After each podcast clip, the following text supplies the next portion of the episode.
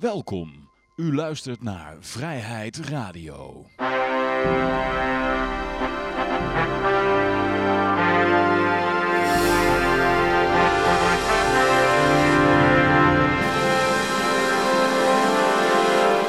Ja, dames en heren, jongens en meisjes, dit is weer een nieuwe aflevering van Vrijheid Radio. Leuk dat u luistert. We zitten hier gezellig in Café Libertaria met op dit moment Yoshi, Peter, Klaas en ik, Johan. En uh, ja, we beginnen meteen met de goud, zilver, bitcoins en de staatsschuldmeter. Maar eerst wil ik u er nog op uh, wijzen dat we een forum hebben waar u lid van kunt worden. Dat is gewoon naar vrijheidradio.com gaan, klik op forum, maak een accountje aan voor de verificatiemail even in de spambox kijken en uh, hartstikke idee. En dan kunt u uh, uw mening geven over deze uitzending. Ja, of misschien ideeën aandragen voor een volgende. Goed, ja, we beginnen met de, ja, traditioneel uh, met de goud, zilver, bitcoins en de staatsschuldmeter. Laten we gewoon beginnen met de marijuana-index. En ik heb hem hier, oh jongens, ik heb hem hier op drie jaar staan. En je ziet dat hij eigenlijk beetje bij beetje, beetje bij beetje omhoog gaat. Drie jaar geleden stond hij nog op, uh, even kijken hoor, op 39 punten. En vandaag staat hij op maar liefst 286 punten. Maar dat is natuurlijk niet te vergelijken, Johan. Want dat zijn hele andere tijden. Dat is overal gelegaliseerd. Ja, ja, ja. In de, in de afgelopen twee jaar. Dus dat is... Uh... Je ziet hem wel op uh, momenten dat dit gelegaliseerd wordt, zie je het eigenlijk omlaag gaan. Daarna weer omhoog, weet je wel. En dan is het weer om een piekje en dan wordt er weer wat gelegaliseerd. Duikt hij naar beneden en dan hoppa, gaat hij weer omhoog. Dus uh, ja, ja, ik, ik weet nog steeds niet waar jij dat cijfer elke keer vandaan tovert. Dus ik moet... Marijuanaindex.com Index. Ja, dan kan je Namelijk de, de, ik heb nog nooit zover, uh, maar, maar goed, oké. Okay. Zijn dat de uh, marijuana producenten, de aandelenkoersen daarvan, of is het uh, de prijs van hun marijuana? Op de website wordt het allemaal uitgelegd. Ja. Dus neem gewoon gerust een kijkje op de marijuanaindex.com. En dan ja, gaan we nu even naar de... Laten we voor gaan eens... Normaal eindigen we daarmee, maar we beginnen nu eens een keer voor de verandering met de staatsschuldmeter 491,2 miljard in het rood. Ja, en de goud en de olie. Goud was omhoog gegaan, maar is nu weer wat aan het zakken, maar nog steeds 1327,80 dollar. En olie, ja, ook vrij hoog, 56,87 dollar. Ja, dan komen we bij de bitcoin, die staat op um, 3440 eurotjes. In de dollar heeft hij de 4000 dollar aangetikt, hè. Ja. Maar er was nog meer crypto nieuws, hè? De Ego, uh, Yoshi. Ja, nou, we hebben even een pumpje gemaakt in de E-gulden van het weekend. Dat was wel leuk, dan zie je heel veel, toch wel wat reacties dat het losmaakt bij mensen. Dus dat is uh, altijd geinig. En wat voor reacties waren dat? Alle, alle kanten op. Hè? Dus mensen die zeggen dat het allemaal niks voorstelt en dat het een grap is. En uh, gewoon mensen die het oprecht leuk vinden en er iets over schrijven. Dus dat is uh, leuk. Hè? Dat het toch nog steeds er gewoon is allemaal. En dat het, nou ja, maar ik denk dat we nog naar beneden gaan. Er, moet nog steeds, er zit nog 100 euro verschil in de prijs tussen Bitfinex en de rest. Dus we zijn nog niet los. Nee, uh, ja, bitcoin ging dus uh, ongeveer met 300 dollartjes omhoog deze week. En ja, Bloomberg die zag een verband. Maar daar komen we zo meteen nog even op terug. Uh, maar dat zou te maken hebben met uh, de lancering van, ja dames en heren, hier komt hij, de JP Morgan, ja de Floppy coin, ja, de JP Morgan coin. Maar het uh, artikel wat ik hier voor me heb, dat zegt, al, Bloom, zegt al genoeg. Bloomberg hilariously reports JP Morgan's fake cryptocurrency is boosting de bitcoin price. Dat is natuurlijk met een knipoog, die, uh, die stelling. Want uh, ja, er was uh, JP, Jamie Dimon, de, de, de, de, grote baas van JP Morgan, die had zichzelf al een paar keer op de borst geklopt dat als hij iets over bitcoin zei, dat dan de bitcoin omlaag ging. En ja, dit is dan het tegenovergestelde. Hun lanceren een coin en dan gaat hij omhoog. Maar uiteraard heeft dat niks mee te maken natuurlijk. JP Morgan coin kan je niet eens kopen met crypto, hè? Johan, nee. vergeet nou die nieuwsbron die jou deze informatie gegeven heeft. Oké, okay. wat is ja, jouw uh, bron? kunnen we gewoon van de lijst halen voortaan. Dat is mijn bijdrage op de JP Morgan coin. ja, oké, okay, oké. Okay. Ja, het is natuurlijk gewoon een hele centrale coin en ze willen daar iets Ripple-achtigs mee doen of zo, maar het is, een, het is iets, het is natuurlijk raar dat die, dat die die hoofd van JP Morgan, die noemde het een fraud, crypto en uh, een, uh, ja, wat vond hij het allemaal, hij had er een goed woord voor over. Bloembollen en dat soort dingen. Ja, en ja, nou gaan ze zelf een cryptocurrency beginnen. en eigenlijk, volgens mij, klinkt het een beetje omdat ze op de, de bandwagon willen springen, zoals dat heet. Dat denk ik, oh, er gebeurt van alles, daar moeten we ook bij betrokken zijn. En uh, ja, dan noemen ze iets wat Swift zou vervangen. Dan, maar het is natuurlijk onzin dat het, als het helemaal gecentraliseerd is, dan ben je nog steeds er niet zeker van. Bedoel, je ziet nou bij Swift het probleem dat ja, landen als Iran, die kunnen er opeens uitgegooid worden als uh, belanghebbende, of machter, machthebbende daarop um, op aandringen. En dan word je gewoon uit het internationale betalingsverkeer geknikkerd. En dan zou het opeens beter zijn als je, als je dat allemaal via de JP Morgan coin gaat doen. Uh, waarvan niemand weet hoe de software eruit ziet. En niemand weet waar de, waar de database staat. Of dat die überhaupt gedecentraliseerd is of centraal. Dus ja, ik denk dat dat, uh, dat je kan schudden. To speed up payments between corporate customers. Ik weet niet of we daar nou zoveel tijd aan hoeven te besteden. Het is... Uh, dat is wel grappig, hè, dat die... Uh... Ik denk oh. dat ze het gaan gebruiken om bonussen uit te betalen. Wat denk je daarvan? Daar zetten ja, 10.000 bitcoin tegenover en dan kunnen ze miljoenen JP Morgan coin aan iedereen geven. Dan zeggen ze, kijk eens, hier. oh, hier staat een mooie uit, uh, lijstje trouwens. Over Jamie Dimon. Bitcoin is a fraud, 2017. Sorry, we're wrong, 2018. 2019 JPM coin. Dan gaat hij door, door 2020 JPM coin is revolutionary. 2021, GPN coins is real. ja. ja, dat is wel een goeie. Ik vind het wel een leuke meme.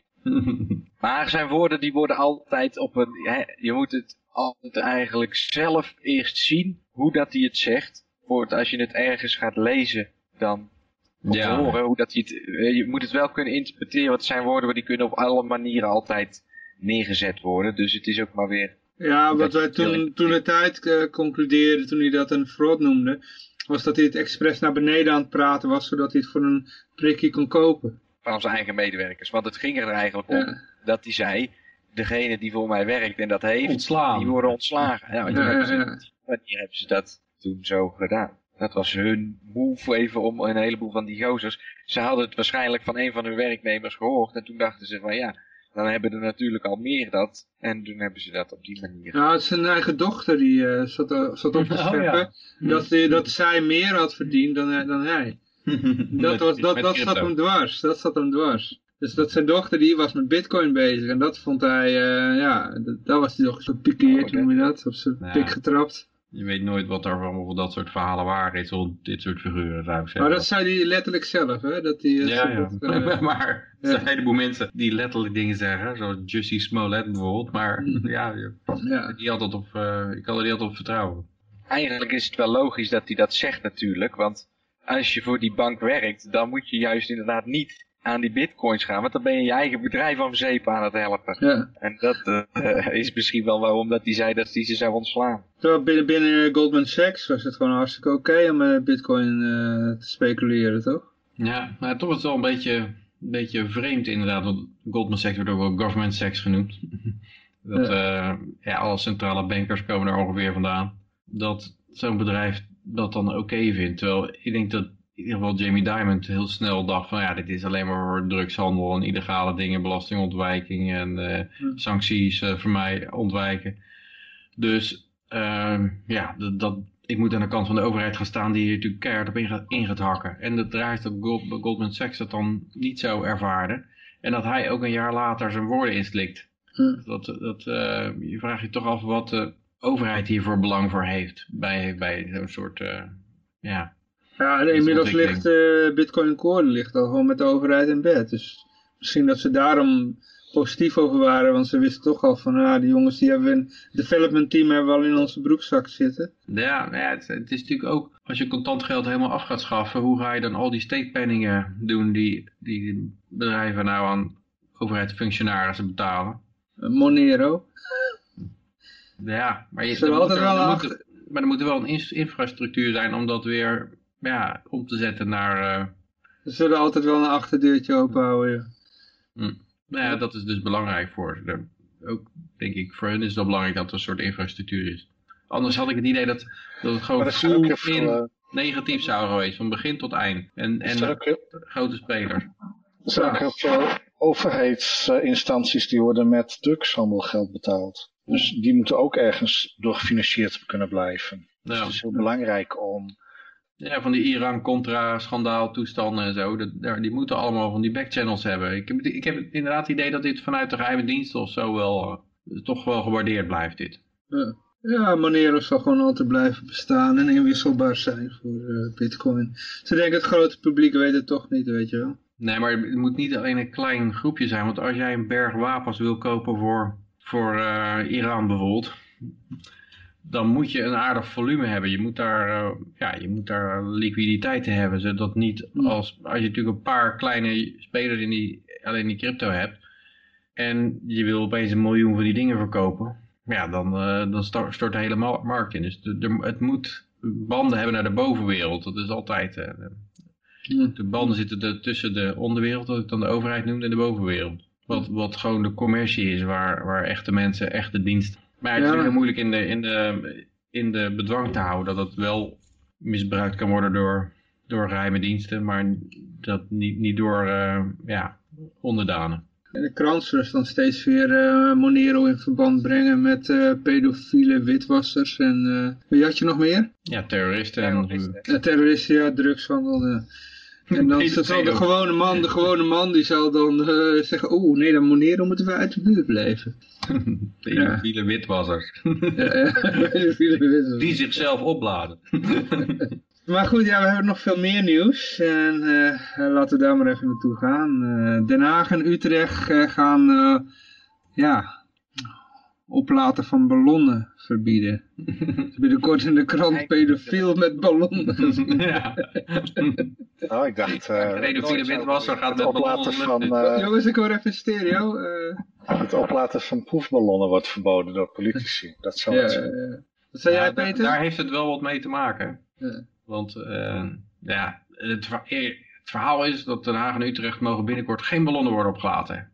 Het is nog niet wat voor eh, bekend wanneer het verbod ingaat en wat voor boete er komt op te staan. Maar ja, want de restanten van die ballonnen worden opgegeten door vissen, vogels en andere dieren. En zorgen daarmee voor veel dierenleed door verstikking in linten of uithongering na het eten van ballonresten. Laat de Haagse wethouder Richard de Mos weten. Dit is weer zoiets van, eh, ja, de overheid is zo bezorgd over dierenleed. Terwijl ja, de overheid natuurlijk met het grootste gemak, eh, weet ik niet hoeveel geiten laat uitmoorden of schapen. Of, om, niet, niet omdat ze ziek zijn, maar omdat ze mogelijk ziek zouden kunnen worden. Er, wordt gewoon ge- er worden gewoon hele boerderijen geruimd als ze een, ge- een gerucht hebben van een, eh, een, een ziektegeval.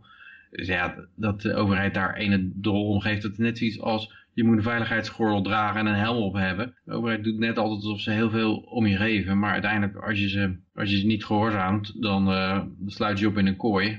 En eh, als je daar tegen verzet, dan schieten ze je dood. Ze geven Ja. gewoon helemaal niks op.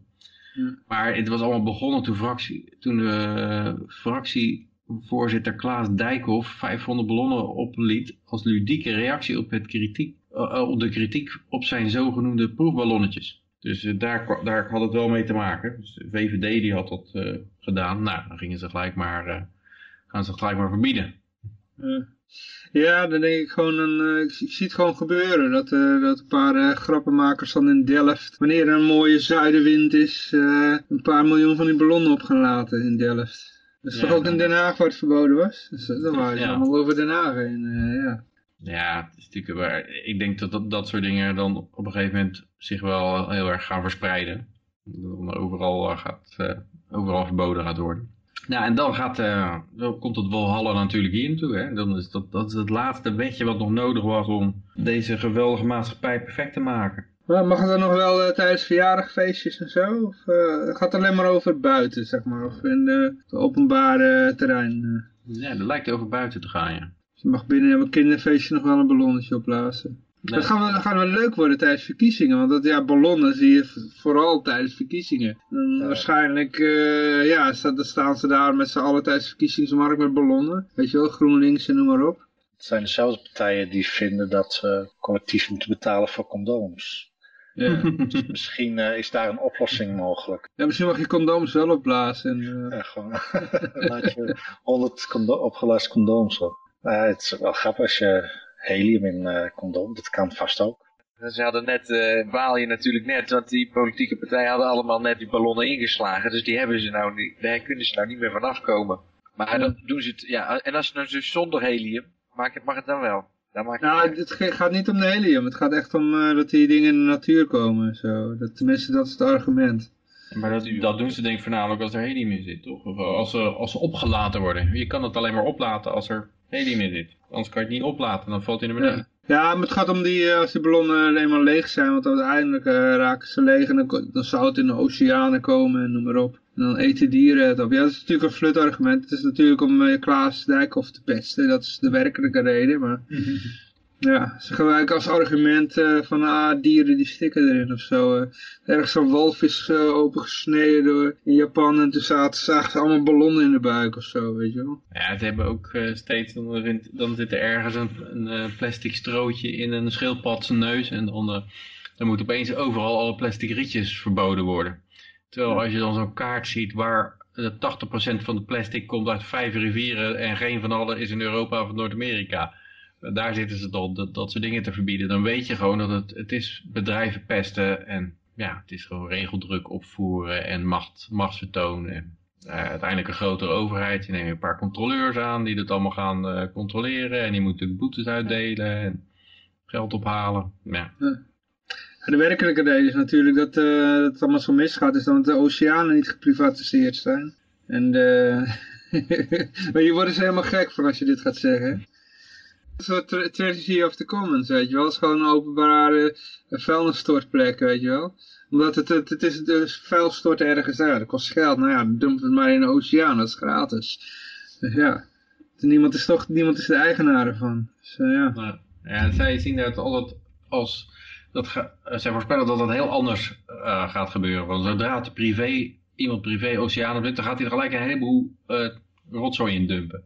Ja, eh, dat, eh, ja, je ziet dat bij mensen bij hun eigen tuin ook niet doen. Dat als hun tuin, tuin is privé-eigendom, dan gaan ze niet gelijk een heleboel rotzooi in gooien. Het is inderdaad zo, de rotzooi wordt gegooid in iets wat van eh, iedereen is, of wat iets, eigenlijk iets wat van de overheid is. Maar ja, we gaan nog even verder. Ik heb hier nog een berichtje over de hondenbelasting. Hondenbelasting onzin? Het kan nog veel gekker. Ja, er zijn een aantal absurde belastingen op een rijtje gezet. Dat, eh, en er zijn de mensen die, die klagen daar eigenlijk over. Die zeggen, van, ja, eh, waarom moet ik hondenbelasting betalen? Terwijl ik die hondenpoep zelf opruim als het nog warm is en weggooi. en dat eh, voelt voor hondenbezitters nog wel eens onredelijk. Dat vindt bijvoorbeeld de heer Gary Janover uit Kortgene. Die startte een burgerinitiatief. Inmiddels ligt de kwestie bij de Tweede Kamer. Ja, het zijn allemaal van die inkomstenbronnen die ze nooit meer op willen geven. Ze- Ja, het is Ja, natuurlijk heerlijk daar eh, weer een, st- een stroom geld uit trekken. En ja, dat is net iets met snelheidsboetes. Als iedereen eh, zich aan alle snelheden zou kunnen houden en de overheid zou opeens geen geld meer ophalen, dan zouden ze niet blij zijn van, oh, het is fijn dat iedereen zich eh, aan de wet hield. Nee, dan zijn ze teleurgesteld, want dan gaat hun, hun inkomstenbom en dan gaan ze het systeem zo zitten tunen, dat ze uiteindelijk toch weer dezelfde hoeveelheid geld ophalen. Gaat nou de landelijke overheid hiermee? Ja, ik, ja het ligt wel Ja. bij de, het ligt bij de Tweede Kamer, ja, die gaat daar wel over, maar... Ja, het is een lokale belasting. Dat Per gemeente is dat eh, geregeld. En er zijn ook gemeentes die geen hondenbelasting heffen. Dus eh, ja. Ja, maar ik denk dat dan de Tweede Kamer aangeeft dat het, eh, dat het mag, dat de gemeente dat mag doen. Maar een gemeente mag ook gewoon een willekeurige belasting uit een duim zuigen hoor, als ze willen. Ehm, ja, ik vraag me af tot, tot hoever ze dat zouden durven doen. Dus er is- zelfs gemeenten die er gewoon nog de derde penning eh handhaaft. Hè. Die hebben dan na, na twee of 300 jaar weer opnieuw ingevoerd. Hm. Dus, eh, ja. Ja, er zitten ook wel regels in die WOZ-belasting en zo. Ja, nee, nee, nee, ik denk dat, dat er toch wel bepaalde grenzen zijn ook. Maar eh, dat, dat weet ik niet. Maar wat ik wel apart vond, dit is gewoon weer een typische... Dit, is weer een, eh, dit gaat hier over eh, Sig- Sigrid Hemels. Die zegt, ja, je moet niet zo zeuren over die blaftax, want er zijn nog veel gekkere belastingen in de rest van de wereld. dat was een heel raar argument. Van, eh, ja, je moet niet... eh, je moet niet zeuren dat je been eraf geschoten wordt door de overheid, want eh, in, in Noord-Korea hebben ze het nog veel slechter onder hun overheid. Het, eh, maar, maar het is typisch iemand die Twan mooi zou kunnen bestuderen. Zo'n, zo iemand die volgens mij rood gaat, rood gaat aanlopen als je, daar, als je daar een paar goede argumenten in gooit. Want het begint al zo bij de mevrouw Sigrid Hemels. Dus dan de hoogleraar belastingrecht in Groningen geloof ik. Die zegt, eh, we betalen belasting om in een beschaafde samenleving te kunnen leven. Al dus Hmm. hemels. Belasting heeft naast de budgettaire functie, dus geld ophalen voor overheidsuitgaven, als gezondheidszorg en infrastructuur, een tweede functie. Gedragsverandering bevorderen, zegt hemels. Het is wel leuk dat ze hier nog bij zeggen zegt steeds. Ze zeggen niet van dat het zo, zo is. Het is een quote van die, van die hemels. En, eh, ja, dat is natuurlijk al heel irritant dat ze zeggen, ja, eh, er is een maffia en die perst jou af. En dat doen we om in een beschaafde samenleving te kunnen leven. Dat is al heel, ehm, heel raar. Ja. Maar, en eh, en het, al, al dat argument ook altijd, iedereen wil goede gezondheidszorg, een, afhankelijke, een onafhankelijke rechtelijke macht. Alsof je die krijgt door belasting betalen. Door, en, je, en je moet dus, als je een conflict met de overheid hebt die jou afperst, dan moet je naar de overheid toe om je recht te halen. Dat noemt zij dan een onafhankelijke rechtelijke macht. Politie en infrastructuur. Dus betalen we belasting. En dan, gaat er verder alles aan de markt overlaten. Werkt niet zoals we dat zouden willen. De meeste van ons willen toegankelijke gezondheidszorg, een onafhankelijke rechtelijke macht, politie, goede infrastructuur, onderwijs en onderwijs voor iedereen, etc. etc. Dat burgers belasting betalen om dat te realiseren, daar is in Europa inmiddels wel consensus over, weet de professor. ja, ja, het is zo raar ook, wat is dat nou? Het is een professor en die komt dan met argumenten aan. Er zijn een heleboel mensen het over eens. We hebben een groep mensen die pest, per- perst anderen geld af. En eh, ja, daar zijn we het allemaal over eens. Dus, eh, dus het is waar of zo. Ja.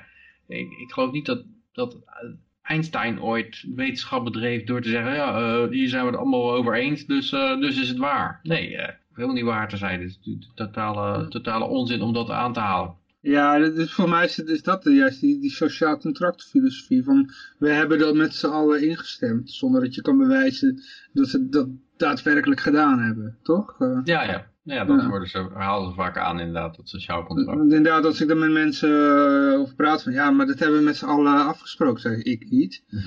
Dat, Ja. Dan meestal komt er altijd wel iemand dan zeggen ja, maar je hebt een sociaal contract, weet je wel. Ja, maar wanneer kreeg je dat sociaal contract? Want als kind kan je Ja, geen contract aangaan. En- Het is een hypothese, hè?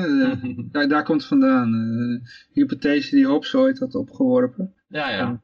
Maar ja, als je dan gaat vragen van wanneer heb ik dat, is dat contract precies op mij komen te, op van toepassing gekomen, dan wordt het natuurlijk heel moeilijk voor ze. Dus zeggen, ja, dat is al voor je geboorte. En zeggen, hoe kan je nou, hoe kan je nou een, een toestemming geven, ergens mee akkoord gaan voor je geboorte? En dan wordt het natuurlijk heel lastig.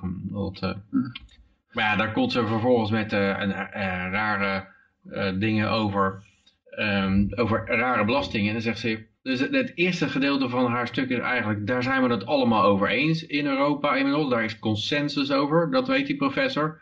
En dan gaat ze verder van belastingen stuiten altijd op weerstand, zegt Hemels. Wacht even, ik heb net gehoord, eh, net hiervoor zegt ze dat er consensus over is. En nou zegt ze belastingen stuiten altijd op weerstand. Wat is het nou? Is het nou consensus of is het nou weerstand? En dan komt ze met de wilde belasting, dat er geld moest worden ge, geïnd. Werd er gekeken naar draagkracht en dan werd er belast- belasting gegeven over het aantal ramen en het aantal dienstmaagden. Want dat is luxe en dat is een teken van, van draagkracht. Dus wisten mensen niet hoe snel ze hun ramen dicht moesten spijkeren, zegt Hemels. Belasting ontwijken is van alle tijden. Het zit in onze natuur. Wacht even. Nou zit opeens belasting ontwijken zit in onze natuur. En daarnet was er nog consensus over dat we het eh, in Europa, heel Europa, dat we, dat we dat nodig hadden. En dan komt ze ook met het verhaal over Griekenland, dat je ziet maar huizen die niet afgebouwd zijn, omdat je geen belasting over hoeft te betalen als ze nog niet afgebouwd zijn. Dus laten mensen ze gewoon altijd onafgebouwd.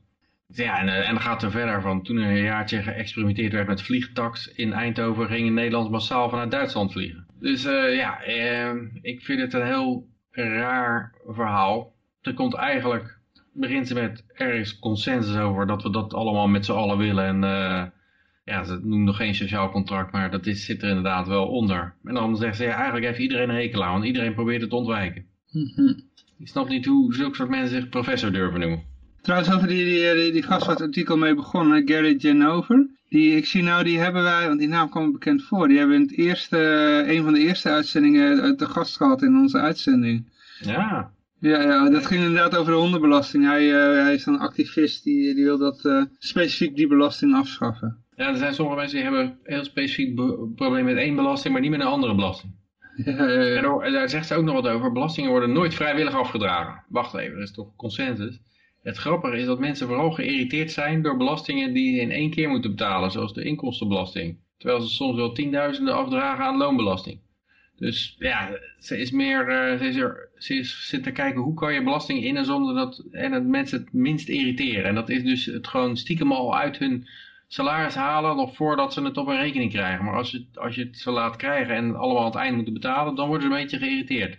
Ja, dan had je trouwens ook nog, uh, daar hebben we trouwens nog, nog niet over gehad in de eerdere uitzending, maar Rutger Bregman, die, uh, een Dutch historian, die uh, tot Fox News had geschopt en daar de presentator over de rooie kreeg.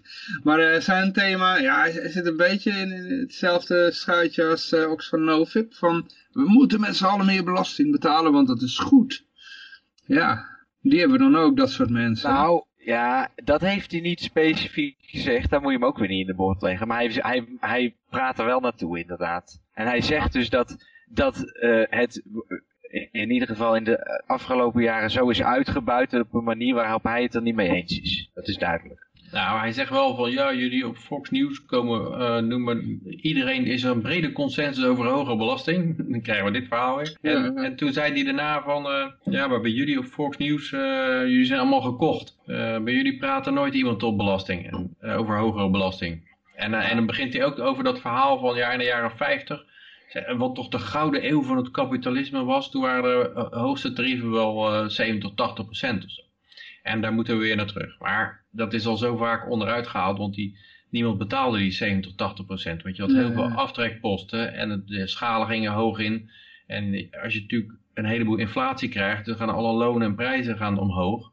Maar doordat die loon omhoog gaat, komt iedereen in die hoogste schalen heel eh, snel terecht. Dus ja. het is gewoon onzin dat, je, dat, uh, dat is niet te vergelijken. Maar hij bleef maar herhalen tegen die Tucker Carlson van ja, jij bent gewoon betaald en uh, jullie zijn allemaal miljonairs, betaalde miljardairs. En, uh, en, en hij, hij, was eigenlijk boos dat, ja, dat, die, dat die miljardairs zoveel, zoveel invloed hadden en die moesten gewoon, ja, er moest flink belasting op geheven worden.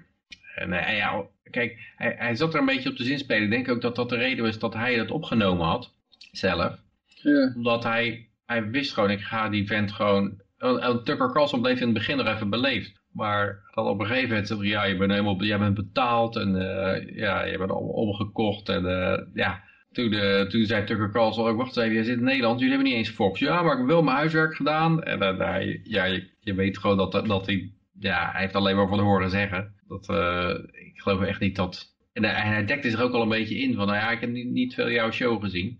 Dus ik denk, als Tucker Carlson had gezegd, oh, je bent een kenner van Fox, wat, uh, wat, wat zijn er zo al voor programma's, dat hij met zijn mond vol tanden gestaan.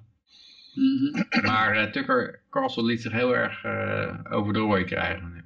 Nou ja, ik zou ook gewoon zeggen van, ja, wat is het nou voor, voor idee? Want als je al die allerlei mensen enorm gaat belasten, dan ga je alleen een soort politieke elite creëren die heel veel geld uitgegeven heeft. Die, die nog veel rijker zijn, die eigenlijk al het geld van miljardairs dan gaan uitgeven. Even afgezien van het ah, immorele aspect. Ik denk, ik denk dat die Rutger Bregman zich uiteindelijk ook een beetje heeft laten uitlokken door die reactie om wat stelliger, stelligere dingen te zeggen dan daarvoor, weet je wel. Het lokte elkaar een beetje uit. Het was wel, uh, ja, hij heeft het wel een beetje, misschien, ja, ik weet het niet, maar...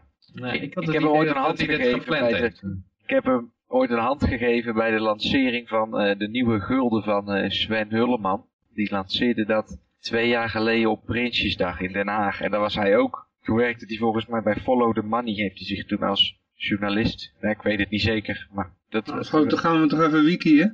Ja, dan moeten we even kijken.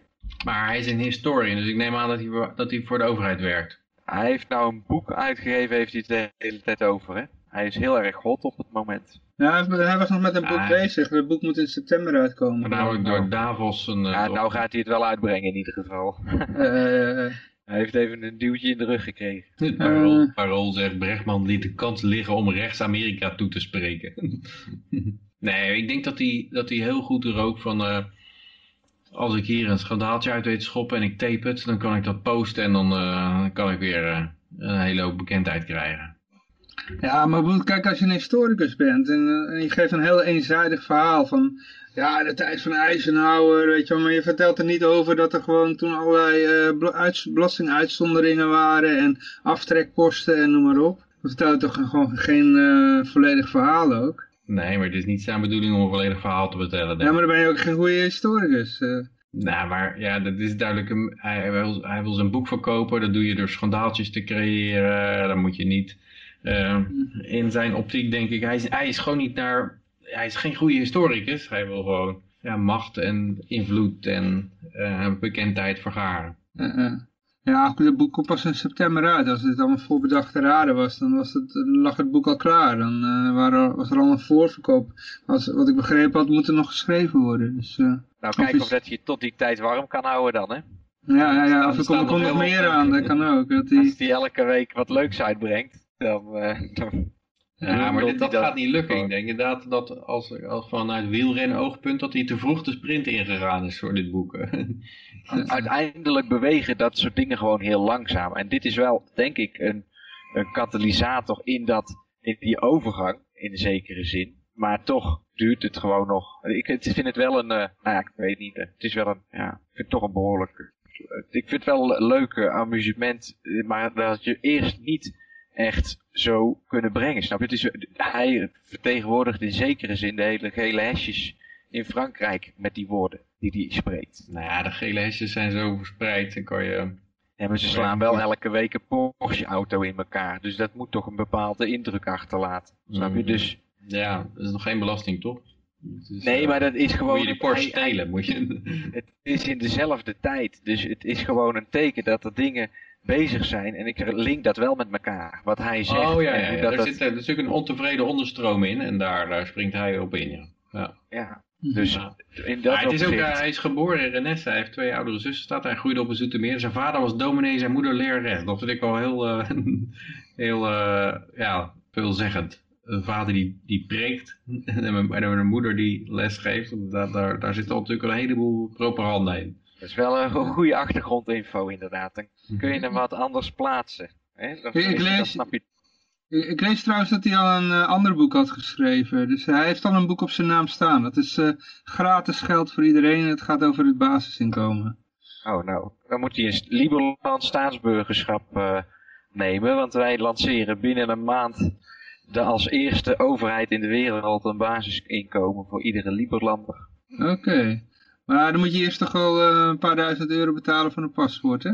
Dat is waar. maar je mag er ook voor werken. Ah, oké. Okay, ja, ja, Het punt is dat er veel te weinig uh, beschikbaar zijn voor heel de wereld. Maar daar hoop ik een... Uh, tenminste, dat, dat, ja, dat wordt zo moeilijk uit te leggen, Johan. Dan hebben we het nodig. Schaarste voert de prijzen op, hè, zullen we maar zeggen, toch? Nee, maar ik, ik zie het wel voor me hoe het kan.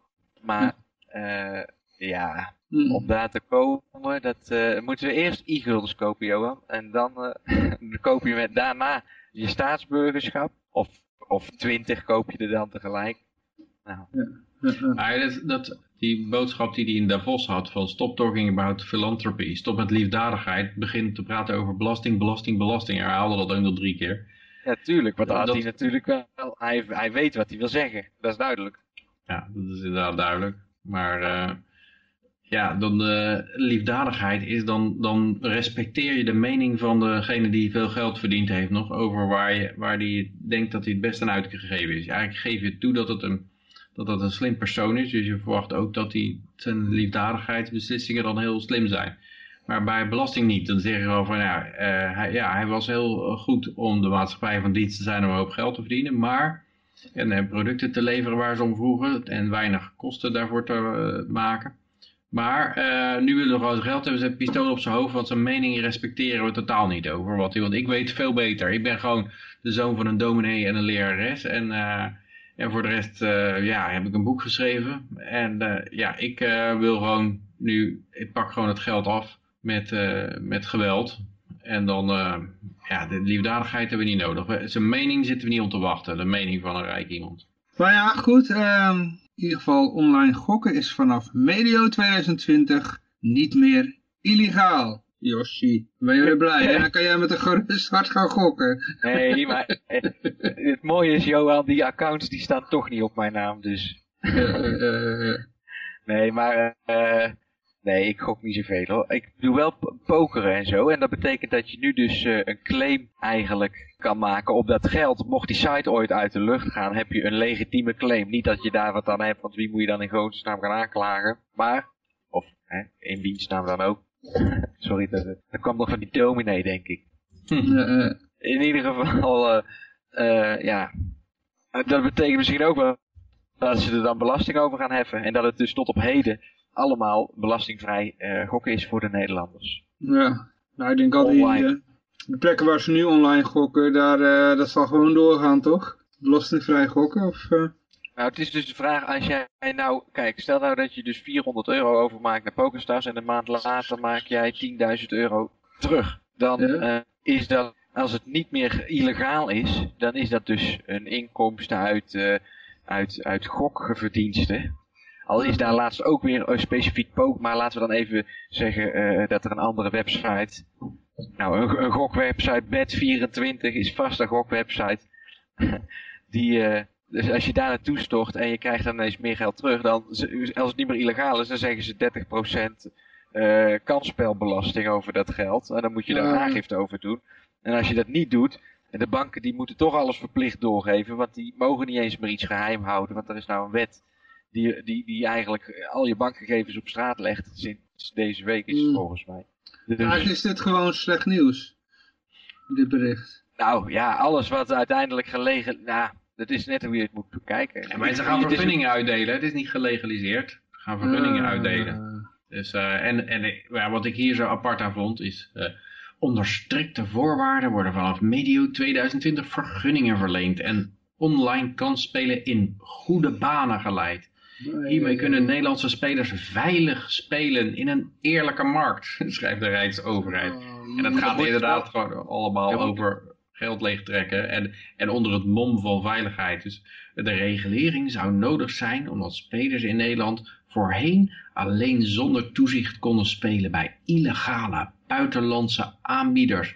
Verslaving van kansspelen zou hierbij op de loer liggen. Ook zouden spelers... Maar als het legaal is, is die verslaving er niet. ja, nee, dat komt, eh daar hebben ze ook aan gedacht.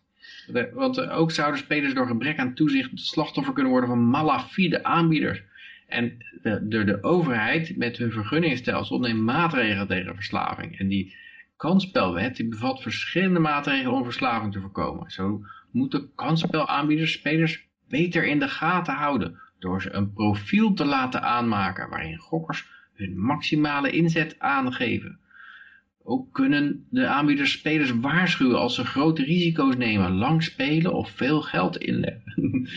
dus, eh, ja, dit is natuurlijk een en al, dit doet er allemaal doen, denken aan de veiligheidshelm en de, en de verplichte verzekering en al die dingen die de overheid altijd doet om, om te suggereren dat ze enorm veel om jou geven.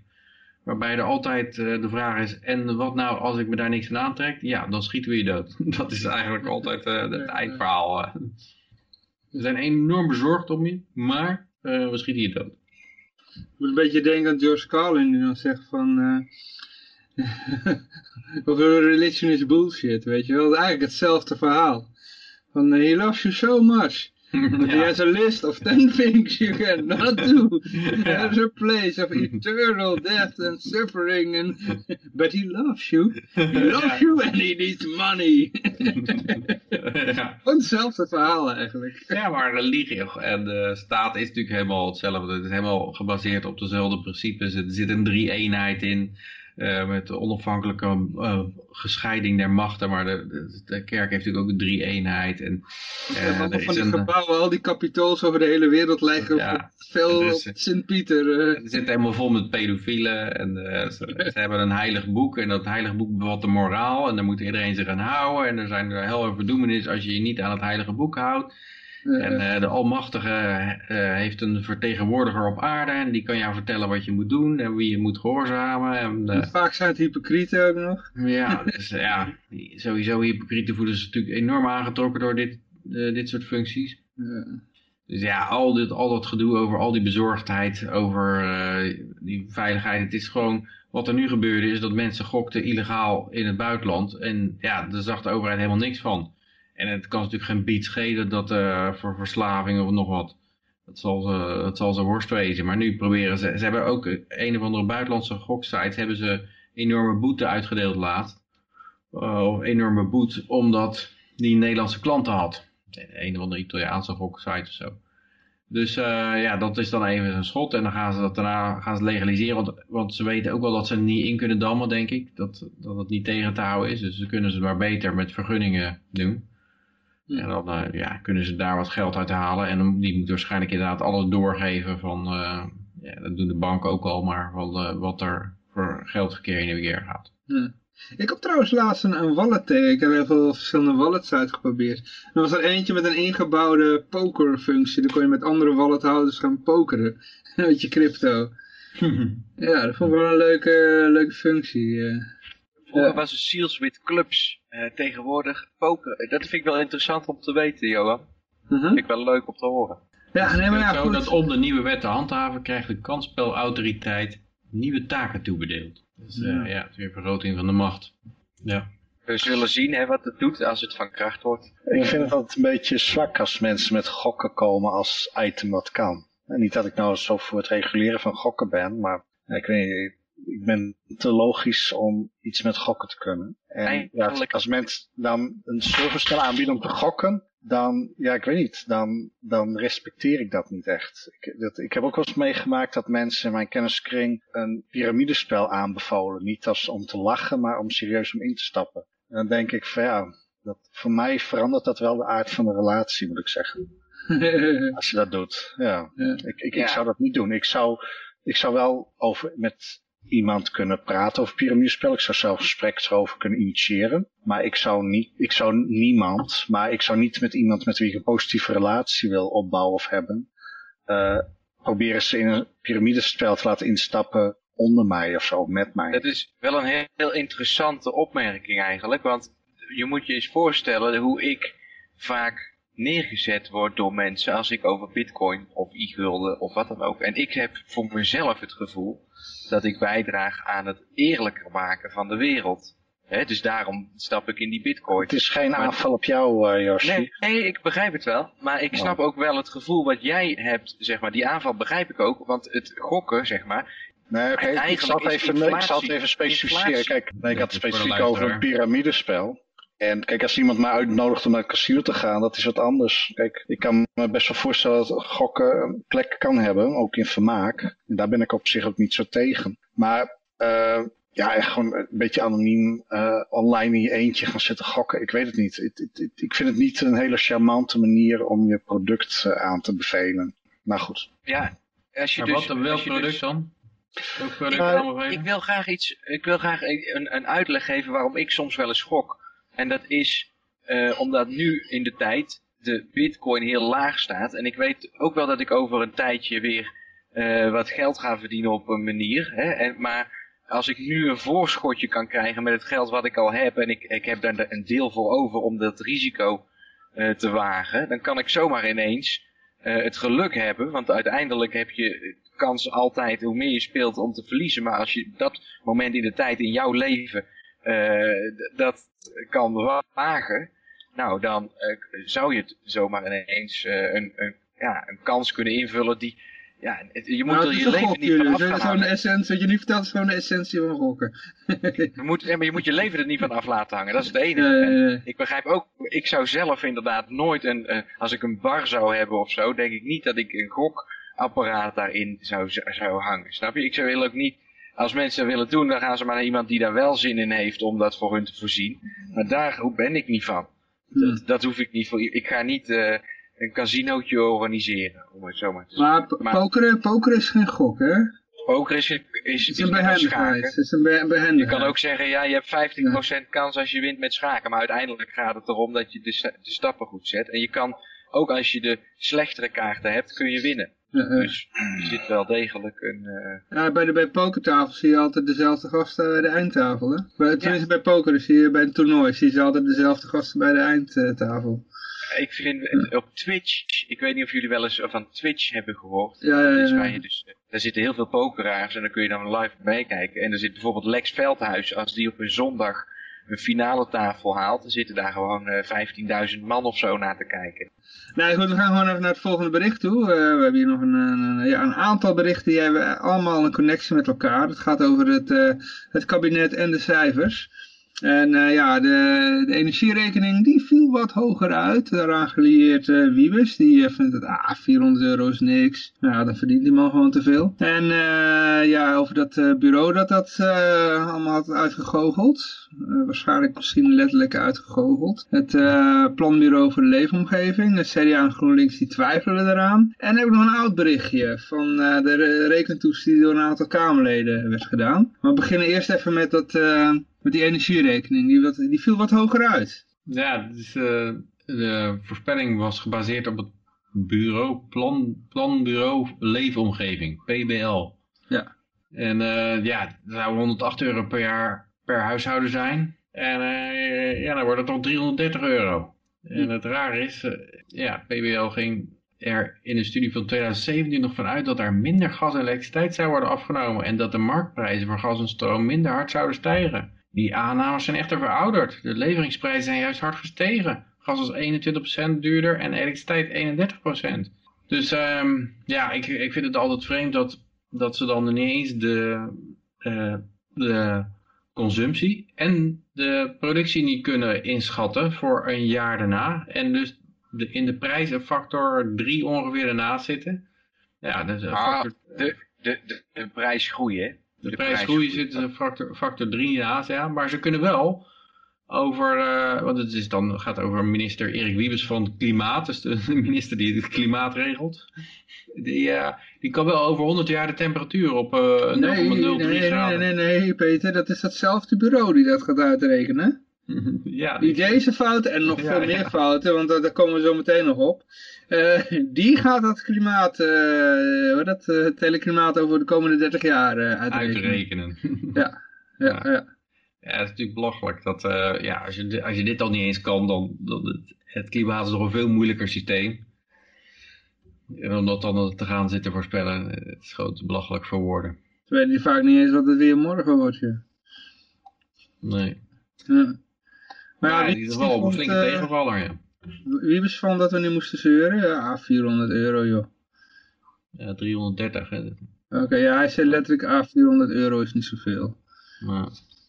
Voor hem niet, hè. Wat, wat krijgt hij? Een uh, vergoeding van een ton? Ja, zoiets zal het wel zijn, ja. Uh, jaar? Ja. ja, dat maakt het inderdaad niet uit, nee. Ja, dit soort dingen, kijk, als ze zo arrogant erover blijven doen, ja, je hebt natuurlijk in Parijs is het ook allemaal begonnen met uh, een dieseltax. Hè?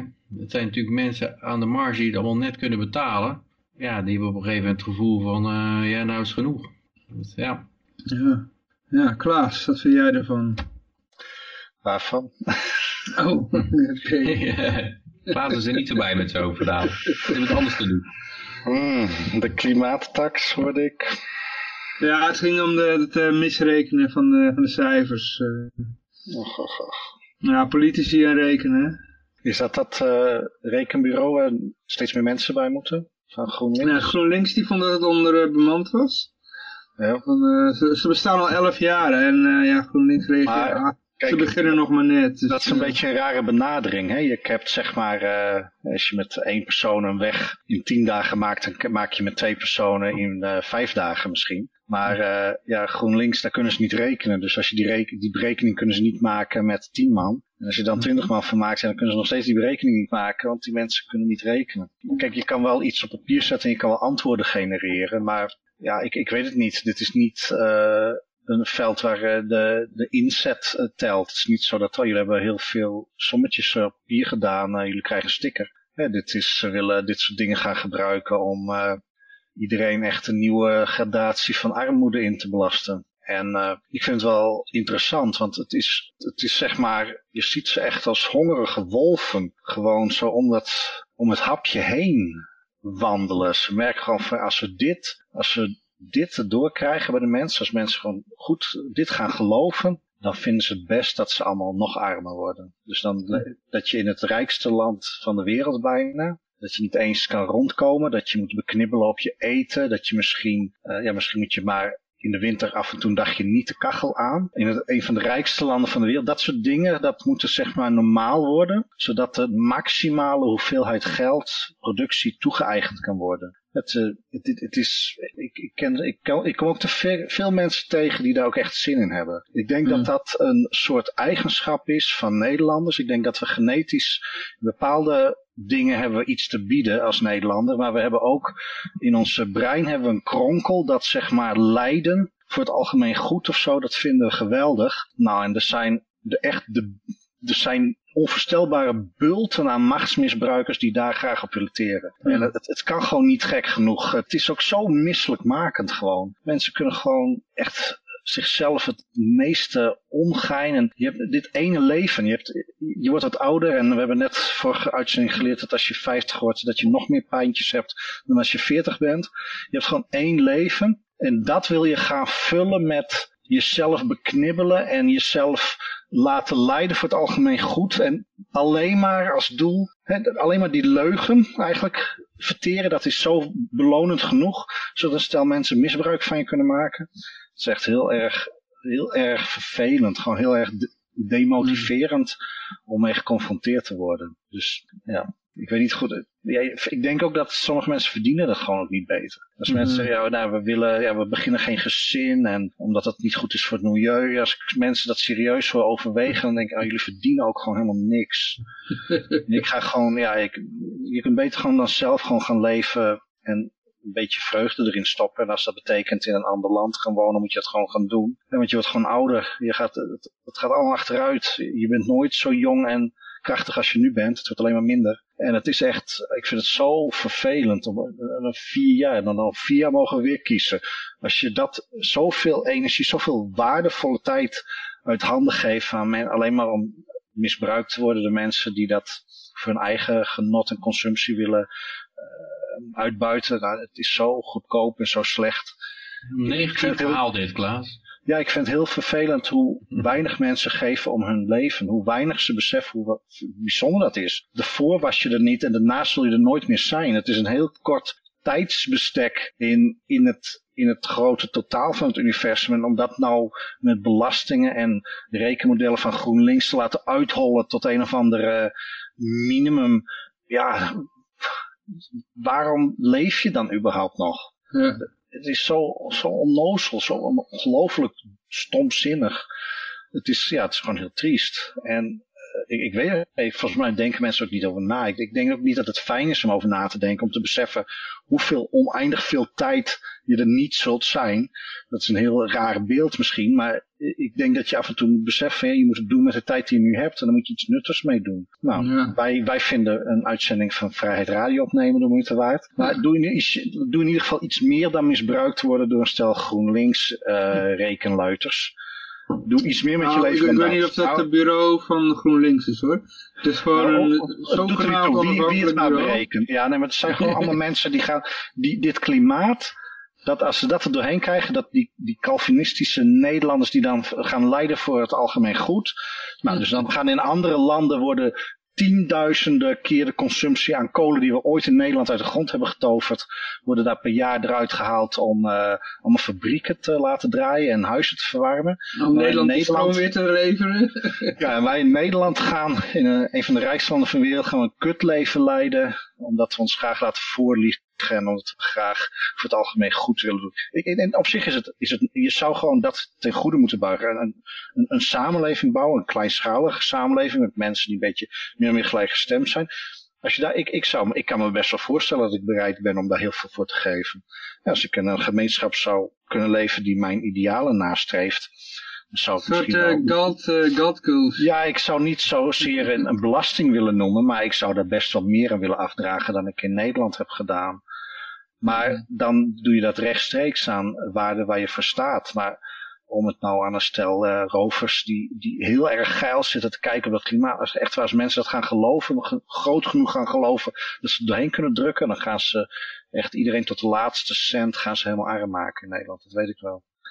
Want het, al die andere, al die andere, heel veel andere gaatjes en holletjes, zoals die hondenbelasting, en waar we net over hadden, en allemaal andere dingen, dat is allemaal al bezet. En eh, de energiebelasting en op drinkwater, het is, je kunt eh, je, kon, je kont niet keren of je bent je inkomen van de maand alweer kwijt. En dat, dat wordt steeds gortiger. En om dat nog er zit eigenlijk alleen maar, voor heel veel mensen denk ik alleen maar ruimte in naar soberder leven. Gewoon inderdaad geen vlees consumeren, uh, de kachel niet aan. Daar zit aan te denken af en toe misschien gewoon de elektriciteit gewoon helemaal uit. Dat soort dingen, daar moeten we denk ik naartoe. Dat is, en dan kunnen we nog meer consumptie uit de productie van Nederlanders halen. De mensen, ja, de, nou goed, heel zielig. Er is een bepaalde levensstandaard die je over, moet overwinnen. Uh, die voor de Nederlander op een bepaalde manier gegarandeerd wordt. Maar waar inderdaad niet altijd zo bewust over nagedacht wordt. Omdat het gewoon, ja, de mensen hebben gewoon een heel klein zichtsveld vaak. En dat is nou eenmaal, uh, in hoeverre kun je nou die mensen dwingen om wakker te worden? Dat kan eigenlijk alleen maar door dat ze honger krijgen, lijkt mij. Ik weet niet op, op wat voor andere manier dat ze het gaan beseffen, snap je? Dus dat is een beetje wat ik eraan uitproef bij, bij Klaas. En in hoeverre kun je nou die mensen het kwalijk nemen dat ze in hun hele leven nooit honger hebben gehad en dat ze dus nooit daarover hebben nagedacht. Mhm. En ja, ik, ik uh, vind het, ik stoor me er ook aan en daarom heb ik niet ervoor gekozen om uh, uh, een politieke partij op te richten in Nederland, maar om gewoon mijn spullen te pakken en er weg te gaan. Want mhm. dat is toch een bepaalde, ja, dan ben je net zo erg bezig als je die mensen dat gaat dwingen als dat je zelf gedwongen wordt op iets anders. Mhm. Dus ik laat ze maar leven en laten leven. Ja, zo uh, heb, zie ik dat. En het is jammer inderdaad dat er, nou ja, ik, is het jammer? Ik weet het niet. Maar het, het, er zit altijd veel meer in dan dat je eruit haalt. En dat blijft met alles altijd. En dat heeft zo iedereen zo ervaren. Dus in zekere zin is het toch ook mooi dat iedereen op dit moment in de tijd in Nederland toch op een, op een hele fijne manier kan leven. Ook al beseffen ze zich het niet altijd. Ik weet niet hoe dat ik het anders moet zeggen, maar... Ja, ik denk niet dat, dat honger mensen tot andere gedachten gaat. Uh, kijk, dat maakt wel mensen wanhopig, maar uh, de, ik denk dat de revolutie, uh, of tenminste dat er eerst een revolutie in hun eigen denken moet komen. En dat komt meer door die, die, dat, iemand, dat ze van iemand die boodschappen horen. Maar, maar als je kijkt naar hongerige mensen, je, je hebt in de Franse revolutie gezien... Nou, mensen hadden honger, nou ja, dan gaat de, de kop van de koning eraf. Maar dan krijgt ze volgens Robespierre, die een dictator blijkt. En uh, zijn ze de terreur zat, nou ja, dan krijgen ze Napoleon. Ik bedoel, het leven werd er niet beter op. Weet je wel? Ze kozen niet echt voor vrijheid, dus... Nee, maar dat is het dus ook misschien helemaal niet, die, omdat toch, ja, ik weet niet hoe dat ik het... denk. en met Venezuela zullen hetzelfde hebben, denk ik. Ik bedoel, dan zijn ze, ze honger, nou ja, gaat de kop van Maduro eraf en maar ja, dan komt er weer een andere dictator, weet je. Maar zodra, zolang ze niet in gaan zien uh, hoe de zaken zitten, ja, dan, dan, blijft ze, dan, dan, dan, dan, hebben ze een revolutie van, ja, maar onze ene gevangenis is niet leuk, uh, hup, een revolutie, gaan ze naar de andere gevangenis. Als ze die zat zijn, gaan ze weer naar een andere gevangenis. Snap je wat ik bedoel? Ja, ja het is gewoon het is hetzelfde als de mensen die van de ene religie naar de andere stappen. Hè. Dus, ja, nemen ze de ene religie, eh, die, die, eh, die doeken ze op en dan gaan ze de staat als religie nemen. En die, die wordt met net zoveel fanaticiteit verdedigd. En uh, het is het afvallen geworden met net zoveel fanaticiteit de nek omgedraaid. En ja, er is geen werkelijke ja, werkelijke vooruitgang. Werkelijke vooruitgang komt toch uit nieuwe ideeën. En inderdaad, meestal het geval met een revolutie is, uh, ja, we willen een andere heerser hebben. En uh, ze beginnen ook altijd een revolutie om met de nationale vlag over straat te lopen. Dat vind ik ook altijd. Eigenlijk lopen ze met het symbool van de onderdrukker, lopen ze door de straat heen om de onderdrukker te, weg te knikkeren. Maar ja, dan moet je ook niet uh, kijken dat het altijd verkeerd afloopt. Ja, ze zoeken dan voor een, symbool wat hun bindt. Terwijl juist dat collectivisme is juist het probleem, weet je wel. Nou. ja. het feit dat ze met z'n allen in één bus moeten en één bestemming moeten kiezen. Ja, ja. Per meerderheid. Dat levert dan een hele hoop, uh, om uh, Frank Karsten zijn voorbeeld aan, aan, te halen, maar dat levert dan een heleboel ja, problemen op. En, en strijd en ja, want welke kant ga je dan op met die bus? Ik had trouwens nog even een oudje, want ja, we hadden het even over de rekenkundige vaardigheden van uh, onze heersers. Ik heb hier nog even een oud berichtje van een paar jaar geleden opgedoken. Uh, ja, dat is de rekentoets die ooit door een paar Kamerleden werd gedaan. En uh, wat zou de uitkomst zijn geweest? Onvoldoende. Allemaal, ja. Allemaal gezakt. Ja. Mocht u nog willen lezen, ik heb het op de, de website staan, dus vrijdradio.com. Kun je het allemaal teruglezen. Ja, maar dan gaan we even naar een uh, Sloveens uh, parlementslid. Die, die uh, stapt op wegens het niet betalen van een broodje. Oei, ja. Ik heb het bericht, de kop heb ik voorbij zien komen, maar ik heb het niet aangeklikt, Johan. Ik Oké. ben benieuwd waar het over gaat. Eh, nou, dan zal ik jullie even eh, inlichten. Het gaat om een eh, parlementslid uit eh, Slovenië, voormalige Joegoslavië, ligt het ergens. De beste man heet eh, Darij Krajci of zoiets. Ik, eh, ik weet niet of ik het goed uitspreek. Ehm, ja, die was eh, ooit in een, een of andere zaak, wilde een broodje afrekenen, maar... eh, de mensen achter de kassa die liepen de hele tijd met, met elkaar te klessenbessen en hadden geen oog voor de, de klant of de potentiële klant. En ja, die wilde wel zijn broodje betalen, maar ja, het duurde na vijf minuten was hij iets zat en is hij weggelopen met het broodje. En dat vertelde hij als een soort anekdote op tv. Maar ja, later viel het besef van, oh jee, wacht eens even, ik ben eigenlijk, eigenlijk heb ik een broodje gestolen. Ja, waarop hij dus zoiets had van, nou, eh, dan moet ik eigenlijk opstappen. Dat is eigenlijk wat ik een beetje eruit opmaak hoor. Eh, inderdaad een, een raar schandaal, hè? Ja, Meest- Meestal is het schandaal van, eh, ja, eh, ben vreemd gegaan, eh, ik heb een onechtelijk kind, ik heb uh, mijn, eh, stiekem een homorelatie, eh, maar, of ik heb inderdaad aan de financiële kant, ik heb eh, zwaar in de kas, eh, partijkas gegrepen, of ik heb eh, de, dakloos kantbureau. Ja, dakloos kantbureau, maar, maar een, broodje, een broodje gestolen, dat is wel een hele vreemde... Maar hij vertelde de anekdote om aan te geven van hoe erg het gesteld was met de jongelui. En in die context had hij dat eh, verteld. Maar ja, toen hij dat vertelde, toen viel later het kwartje van, oh wacht eens even, ik heb het broodje niet betaald. ik vind het eigenlijk wel grappig. ja. Ja, ja het is, eh, dat gebeurt de laatste tijd ook va- vaak dat er naast radioprogramma's, tv-programma's hebben, hebben veel van die, eh, ook die grote media jongens, die hebben podcast. Nu- Nu.nl bijvoorbeeld heeft ook een podcast. En dan, dan denken ze, oh, podcast is populair, dan moeten we ook een podcast gaan maken. Maar wat er vaak gebeurt is dat eh, op, de, op dat soort podcasts eh, mensen veel meer prijs geven dan ze van plan zijn prijs te geven. En dat is denk ik ook dan hier bij de jongeren gebeurd. Eh, je, je, ja, in, in die context bleek het allemaal wel oké en eh, dat je dat wel kon zeggen. Maar dan wordt het later uit die context gehaald en dan eh, is het niet meer oké. Ja, ja. En het is natuurlijk eh, fout een broodje stelen, maar het is wel het minste wat hij ooit gestolen heeft, denk ik, als politicus.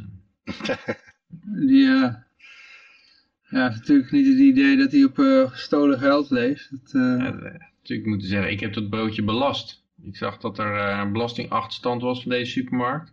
En ik had toevallig net het verschil in mijn hand, dat broodje. Dat zou wel een stunt zijn, inderdaad. Dat zou ik jou wel eens willen zien gebeuren. dat ze zoiets uit zou brengen. Ja. Ja, het is natuurlijk heel vreemd dat de overheid, die in feite alles gewoon kan afnemen van je wat ze willen, eh, dat, dat ze dan je geld afnemen en dat ze dat geld dan gaan gebruiken om zelf dan weer dingen te kopen. Wat natuurlijk eigenlijk, eigenlijk vreemd is, want Ja, Als als een- wel had afgerekend, was het ook een gestolen broodje. ja, inderdaad, dat ook. Maar het is natuurlijk ook raar dat een politicus, die, een politicus die, ja, die stelen, maar die stelen dan geld om dan ergens anders weer met dat geld bijvoorbeeld de tv te kopen. Maar je zou ook zeggen, loop dan gewoon die tv-winkel winkel binnen en steel gelijk die tv. Als je, waarom ga je bij mensen geld stelen om dan netjes een tv te kopen?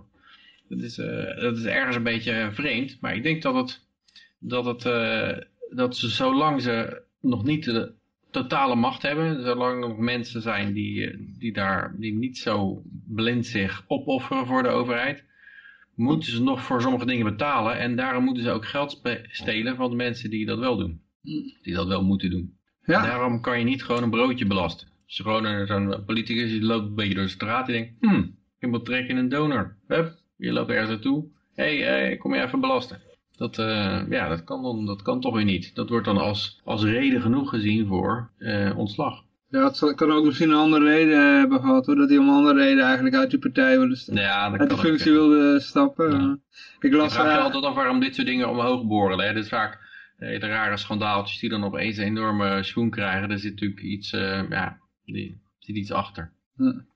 Maar ja, Erdogan... Hey, Hij is voor je het die geworden. Oh. Hij wil in de wachtgeldregeling. Ah, oké. Erdogan strijdt tegen groente- en fruitterroristen. Oké, ja, vertel. Ja, dat is natuurlijk het gebruikelijke verhaal van, eh, ja, we maken ons geld waardeloos, omdat we een hele grote overheid in de lucht willen houden en we kunnen niet meer lenen en we kunnen niet meer belasten, dan gaan we maar geld bijdrukken. En, eh, oh, de prijzen gaan omhoog. Nou, wat gaan we dan doen? We gaan een nieuwe volksvijand aanwijzen, de groente- en fruitverkopers. En hij noemt ze landverraders. dus de mensen die, die de burger van voedsel voorzien, dat zijn opeens landverraders geworden. En ik las in een ander bericht ook dat hij staatsgroenteboeren heeft aangesteld.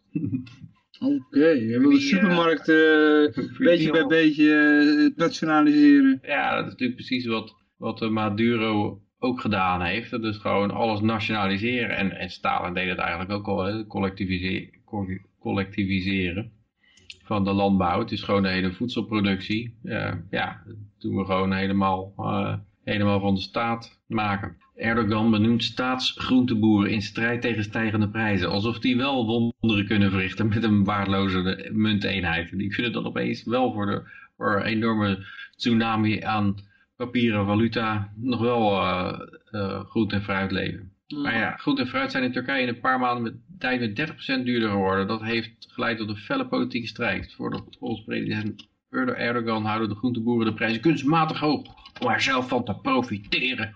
Dat zijn de greedy capitalists natuurlijk weer. De aanloop naar de lokale verkiezingen heeft hij staatsgroenteboertjes benoemd die gesubsidieerde groentes verkopen. En ja, het is, eh, het is, het, het is steeds maar weer hetzelfde verhaaltje. Hè? Dat, eh, ja, we drukken een hoop geld, prijzen gaan omhoog en we gaan opeens allemaal minimumlonen verhogen. En we gaan eh, de ondernemers gaan we de kwaaie pier toespelen. Of de, die, die gaan we de, de zwarte piet toespelen. Ja, en het is... Je eh, van het niveau van het zaaigoed? Dat mag je best opeten. De boeren houden het zaaigoed achter, ze houden het voedsel Ja, ja. achter. Ja, ja. ja er werd wel- bij in de Oekraïne ook. hè. Er werd ook gezegd dat die, ja, ze gingen de landbouw collectiviseren. Ja, dan kreeg je allemaal staatsboerderijen, koolgozen en softgozen. En die produceerden heel eh, weinig voedsel. Want eh, ja, die zaten allemaal op elkaar te wachten. Want er was een tractorstuk. En eh, de tractorfabriek die had ook geen incentive om, om dat de- te leveren. En uiteindelijk kregen dan de Oekraïense boertjes, die kregen de schuld dat er een ho- hongersnood was. En die zijn allemaal over de kling gejaagd. Dus ja, en, en wat me opvalt, wat me aan, nog meer aan dit bericht opviel, is dat, dat nou opeens wordt het in de Nederlandse pers een beetje belachelijk gemaakt. Als het in Turkije gebeurt. Als de Turkse president eh, een nieuwe volksvijand aanwijst, de groente- en fruitverkopers, en hij noemt ze landverraders, dan, dan zitten de pers die, die grinnikt daar een beetje over, over zoveel waanzin. En, en ik hoor, hoorde mensen om mij heen, hoorde ik ook opeens ja, wat, eh, wat, wat een rare, rare kwast die Erdogan, is niet goed bij hoofd. Maar dit gebeurt natuurlijk de, ja, de hele tijd in aller, allerlei gebieden waar de inflatie hoog is. En als het binnen je eigen, onder je eigen heersers gebeurt, dan is het opeens niet vreemd. Dan, eh, dan gaan ze er wel helemaal in mee. Het is alleen, ze kunnen alleen scherp zien op hele grote afstand. En dan Ja. waarschijnlijk ook nog niet bij Venezuela, want die zijn dan weer te links. En dan, eh, dan doen ze dat, ja, bij Erdogan lukt het wel, maar bij Maduro niet. Want die is eh, de held van de gelijkheid. En die wil iedereen, en, en, en in eh, eh, Cuba natuurlijk ook niet. Ja, ja. Nou ja, goed, ja, nou ja, dan, we gaan even van eh, Erdogan gaan we naar eh, het, Justin Smollett. Dus die ene acteur die, eh, die, had, eh, ja, die had zich door twee Nigerianen in elkaar laten slaan. eh, Ja, ook, en om hier, dan Trump de schuld te geven. ook hier gaat het mij eigenlijk om de berichtgeving, de Nederlandse berichtgeving, hoe, die, hoe die in elkaar zit. Want eh, ja, het is heel opvallend. Je kan heel erg die bias eruit halen.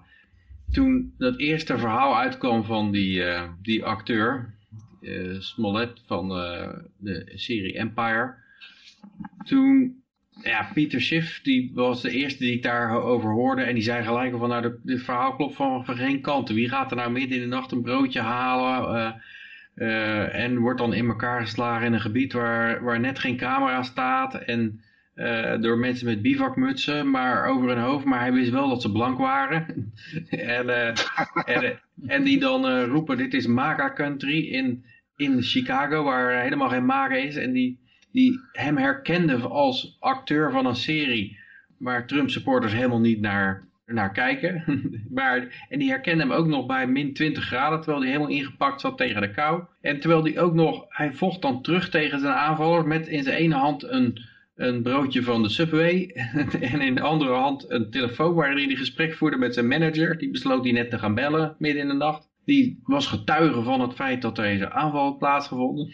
dus uh, ja, het, Peter Schiff haalde het gelijk. Hij zegt, klopt, geen, klopt van geen kant in dit verhaal. En er zijn nog veel meer dingen. Ook, hij was al eerder bedreigd met een brief. En toen, toen had zijn televisieproducent die had hem beveiliging aangeboden, gratis. En dat had hij geweigerd. Ja, dat is natuurlijk ook typisch iets wat je doet als je zelf voor de bedreiging hebt gezorgd. En niet wil dat er pottenkijkers zijn als je je door twee Nigerianen in elkaar gaat laten staan. Maar in Kon, kon hij geen blanke vinden dan? ja, ja, ja. ja. maar... ja ik zag al zo'n meme van de onderdrukking in Amerika. Het is zo erg dat je, dat je al zwarte moet inhuren om je elkaar in elkaar te laten slaan. Uh, nou, ik, even om het, om het, idee af te maken, als ik, dan volg ik even de berichtgeving, ik even een paar berichten ge, gekopieerd. Het, het, punt is dat de Nederlandse berichtgeving en ook de meeste Amerikaanse berichtgeving, bijna alles, die namen alles klakkeloos aan. Want hij is zwart en hij is homo, dus hij kan niet liegen. Dat is in de, in de intersectionality matrix is, is die onkwetsbaar. Dus dan hebben de eerste titel is bewapende beveiliging op set Empire na aanval op acteur Jussie Smollett. Nou, het volgende bericht is Empire-acteur Jussie Smollett spreekt voor het eerst over aanval. Ik heb ze niet helemaal in chronologische volgorde staan, zie ik. Eerste publieke optreden van Empire-acteur Jussie Smollett na aanval. Acteur Jussie Smollett slachtoffer van racisme en anti-homo geweld. Politie verhoort personen in mishandelingszaak Jussie Smollett. En dan politie arresteert twee mannen in mishandelingszaak Jussie Smollett. En dan twee verdachten in mishandelingszaak Jussie Smollett weer op vrije voeten. En dan is het opeens uh, afgelopen op nu.nl. Dus uh, mensen die dit gevolgd hebben, deze zes berichten over Jussie Smollett, die, uh, die, die zijn er nooit achter gekomen als ze alleen nu.nl lezen, dat hij de hele zaak in scène gezet heeft en door de twee Nigerianen zich in elkaar heeft laten slaan om, zo, om Trump supporters als racistische homo-haters neer te zetten en een beetje haat, haat te zaaien. Maar er werd niet in de mainstream media genoemd hè, dat het twee Nigerianen waren, toch? Nou, ik heb het daar alleen over, over nu.nl. Ik bij nu.nl had ik gewoon even alles over Jussie Smollett. En dan zie je gewoon de hele ontwikkeling. Laten we boem, boem, boem, boem, alles zien. Waarbij hij een vreselijke, afschuwelijke mishandeling eh, mishandeld is. En niet dat, dat hij het gewoon allemaal zelf in scène gezet heeft. Dat stuk dat ontbreekt gewoon helemaal van de nieuws, nieuwsberichtgeving. Dus gewoon het laatste stukje even weg over. Ja, dat is niet interessant. Dat, dat, uh, en, en het, het rare is ook dat er waren mensen die eh, aan, de, aan de linkerkant, die vonden het vreselijk dit, eh, dat er, gelach, eh, dat er ja, aan de rechterkant bij de conservatieve blijdschap was over dat, deze, dat dit in scène gezet was. Dus het rare is dat, dat ze kennelijk liever hadden dat die dat die haatcrime, die haat, haatdaad wel had plaatsgevonden, dan, dan dat die niet had plaatsgevonden. Want dan, nu zijn ze hun case kwijt. Dat, dat, dat, is natuurlijk wel heel raar. Ze hadden liever dat hij wel in elkaar was geslagen onder het, uh, als, uh, als homo en zwarte. Want ja, dat, daar hadden ze wat aan gehad. En nou blijkt het allemaal nep te zijn. En daar zijn ze eigenlijk niet zo blij mee. Dus ja, voor is het ook wel uh, triest dat, ze dan 7000 dollar betaald zijn, die twee Nigerianen met z'n tweeën. 3500 each.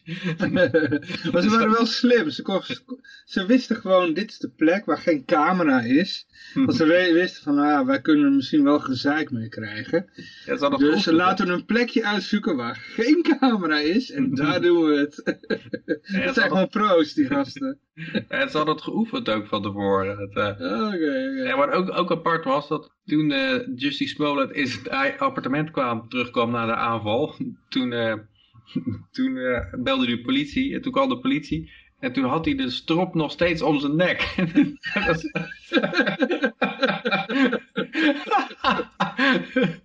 ja, liep gewoon een enorme touw om zijn nek.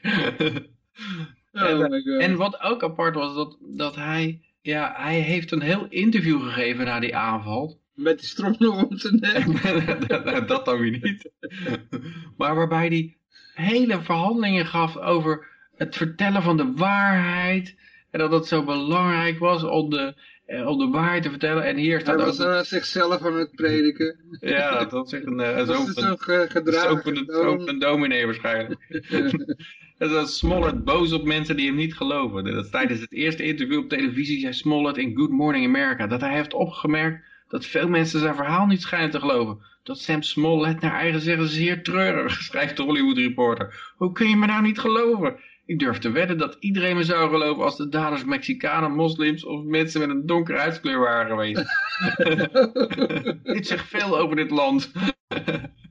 En uh, ja, Zero Hedge heeft ook een hele verzameling gemaakt van hoeveel van dit soort hoax-dingen er wel niet zijn. Want dit, dit doet erg denken aan dat, uh, ik weet niet wie dat al eens gehoord hebt, het, het heet het Munchausen by proxy uh, syndroom. Oh, ja. dat zijn het, is het soms dat dat uh, vrouwen bijvoorbeeld zo erg verlegen zitten om aandacht dat ze hun eigen kind mishandelen omdat ze dan heel veel sympathie krijgen. En uh, ze zijn zo verslaafd aan die sympathie dat ze bereid zijn hun, hun kinderen te mishandelen om die sympathie op te wekken. En dat, dat lijkt hier ook een beetje aan de hand te zijn.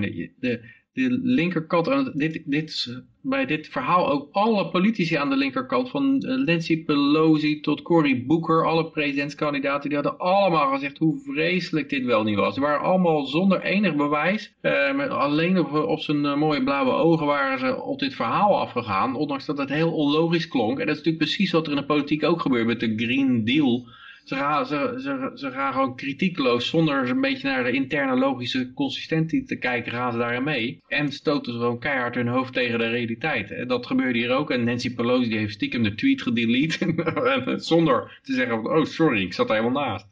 Hm. En uh, ja, het is... Uh, ja, het is ongelooflijk hoe dit... Uh, en het is al een paar keer gebeurd. Het is met die Covington Boys gebeurd. En steeds maar weer. Dan, dan geloven ze blindelings en razen er gewoon volop in. En dan uh, moeten ze, moeten ze, uh, komen ze van een koude kermis thuis.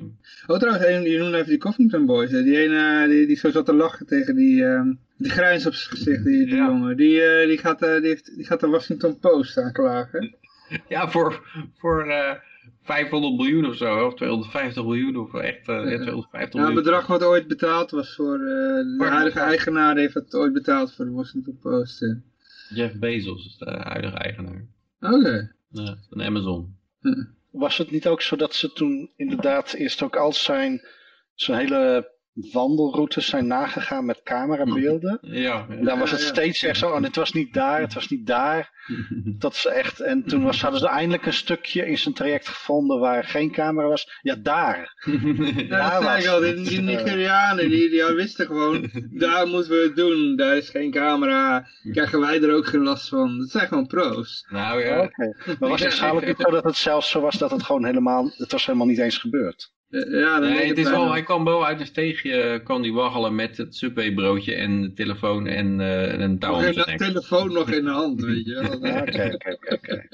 Maar het, het rare is dat uh, Pieter Schiff zei erover dat uh, er zou een, uh, een camera zijn geweest maar die stond de verkeerde kant op te wijzen. En hij dacht juist dat ze het daar gedaan hadden zodat het wel gefilmd wordt. Want uh, Smollett zei gelijk, ja, vraag de videobeelden maar op van die camera daar. En, uh, maar die, stond, die, die keek naar de andere kant.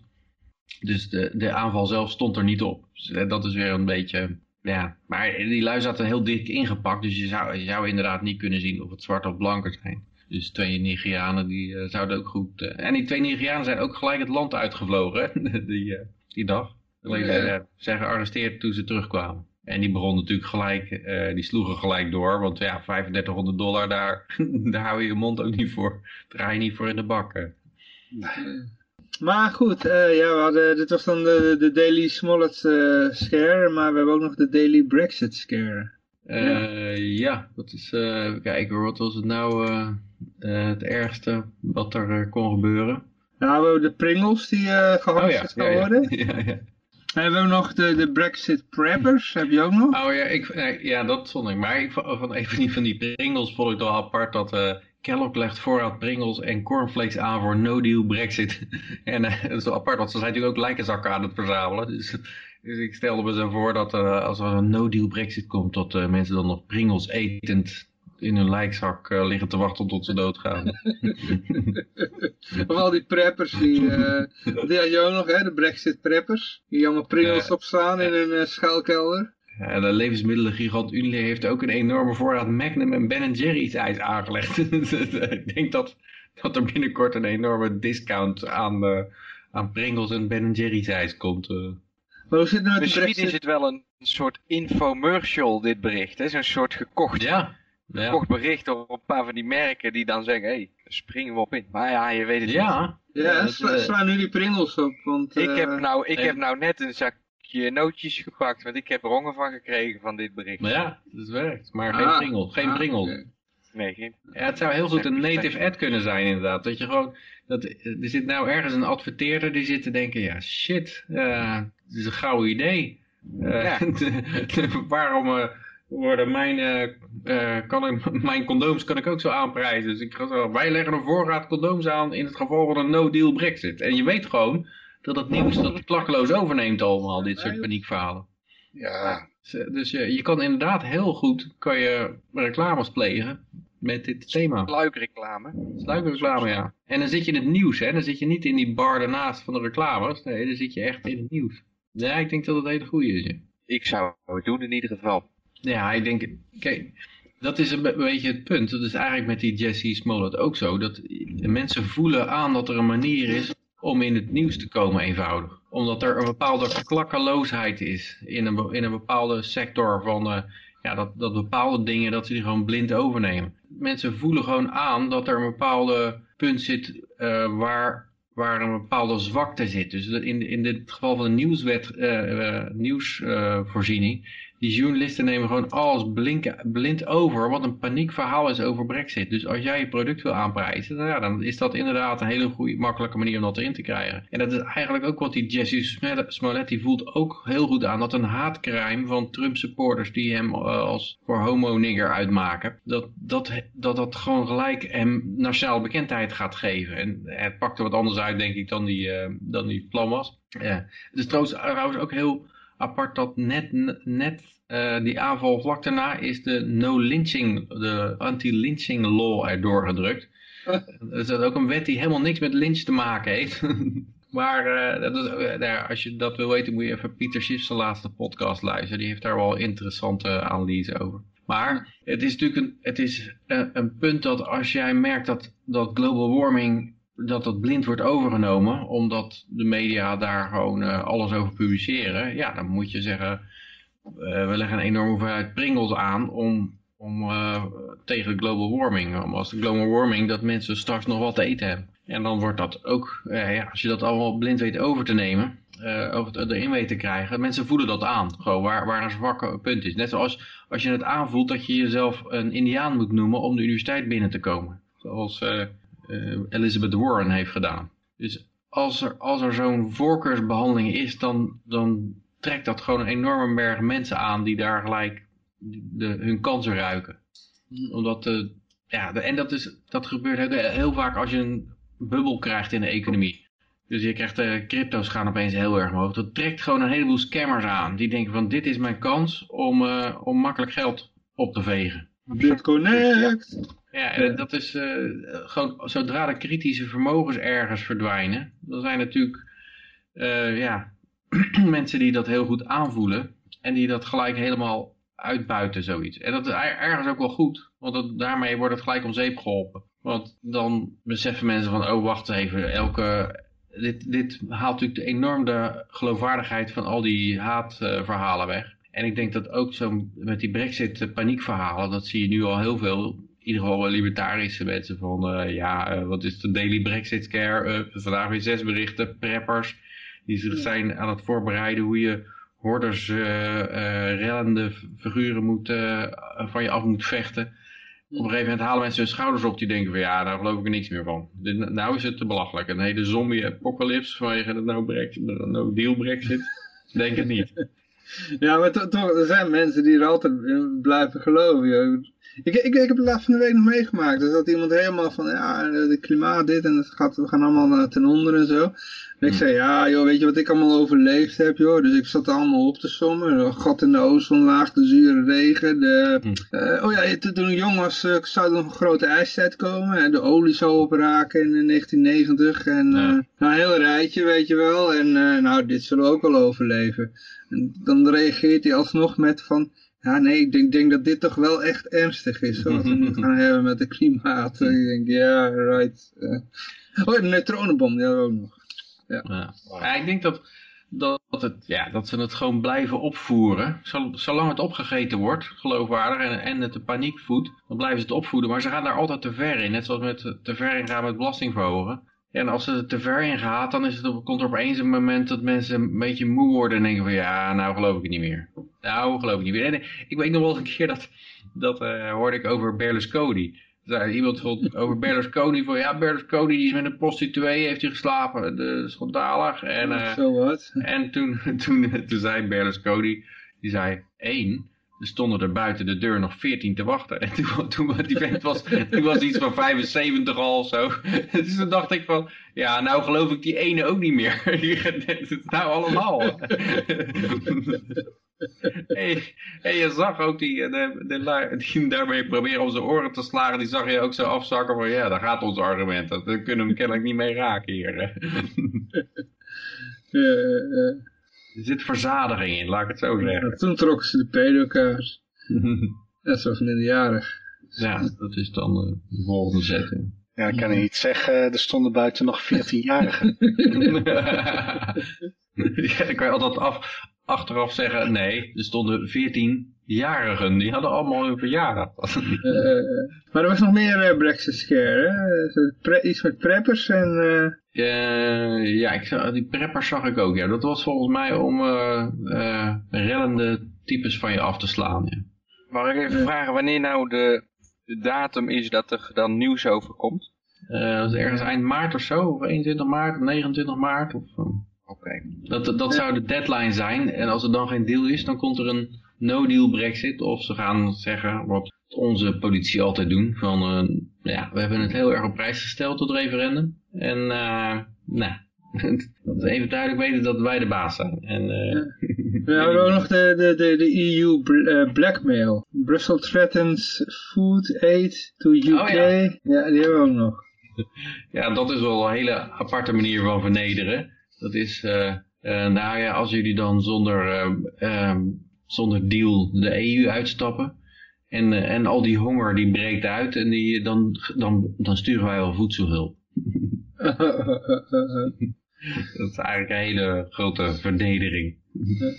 maar ze kwamen nou toch weer al een beetje weer tot elkaar. Ja, het zou natuurlijk ook wel weer bullshit zijn, maar Juncker en May. Ik ben er niet helemaal op de hoogte van of, of ze er... nou ja, het gaat natuurlijk om enorme bedragen. Hè. Eh, ze willen dat, dat het Verenigd Koninkrijk weet ik niet hoeveel geld gaat betalen. En, ja, Oh, het is alweer eh, geen oh, het is alweer afgeblazen. Geen doorbraak, bre- brexit inpassen, May en Juncker.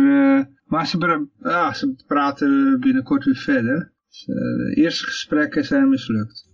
Ja ik dacht dat er inderdaad nog steeds niks tot elkaar gekomen. Maar ze praten binnenkort weer verder. Nou ja, Ja, dit is net zoals Y2K, denk ik. Het, eh, er gaat niks gebeuren. eh, oh ja, die heb ik ook nog overleefd. Ik mag ook nog het rijtje van niet eens eh, genoemd. regen, overlaag, neutronenbommen. eh, ja, Ja, ook Y2K. Y2K, ja. En het rare is ook als je buiten die context komt, en, want met Y2K, ja, er zouden vliegtuigen uit de lucht vallen en de kerncentrales zouden ontploffen. En, en als je het buiten de context zet, dan denken mensen van, of, of buiten de tijdsvak waarin zo'n zo'n scare geldig is, dan zeggen mensen opeens van, ja, maar, eh, dit is voor onzin. Ze gaan helemaal mee in die, in die angst, maar daarbuiten is het ook helemaal, helemaal verdwenen. Als je nou met een ijstijd aankomt, dan zeggen mensen van, nou ja, waar maak jij je zorgen over? Terwijl er nog steeds berichten zijn over een ijstijd, mini-ice age.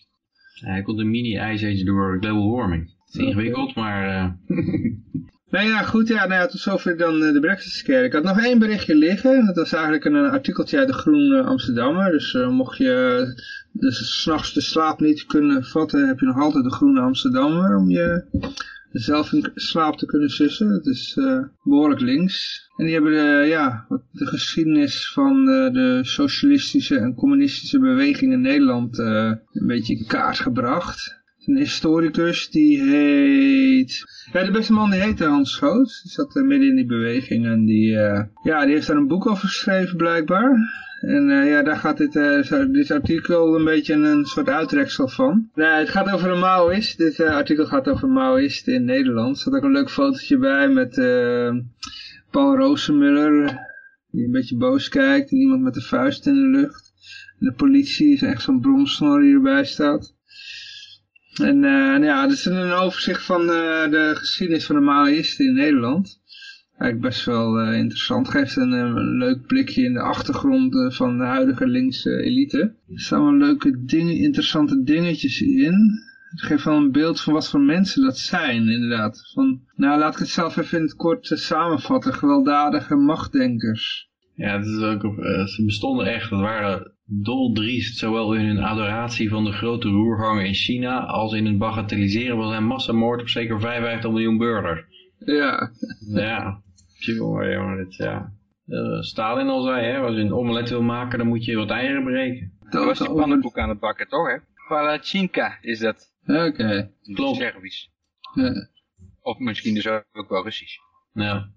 Ja, het is ook wel leuk over al die bewegingjes, want het was een allegaatje van eh, afsplitsingen. Dat was net een gereformeerde kerk, zeg maar, in Zeeland. Ja, twee mensen had je een kerk, komt er een derde bij, dan heb je een kerksplitsing, weet je wel.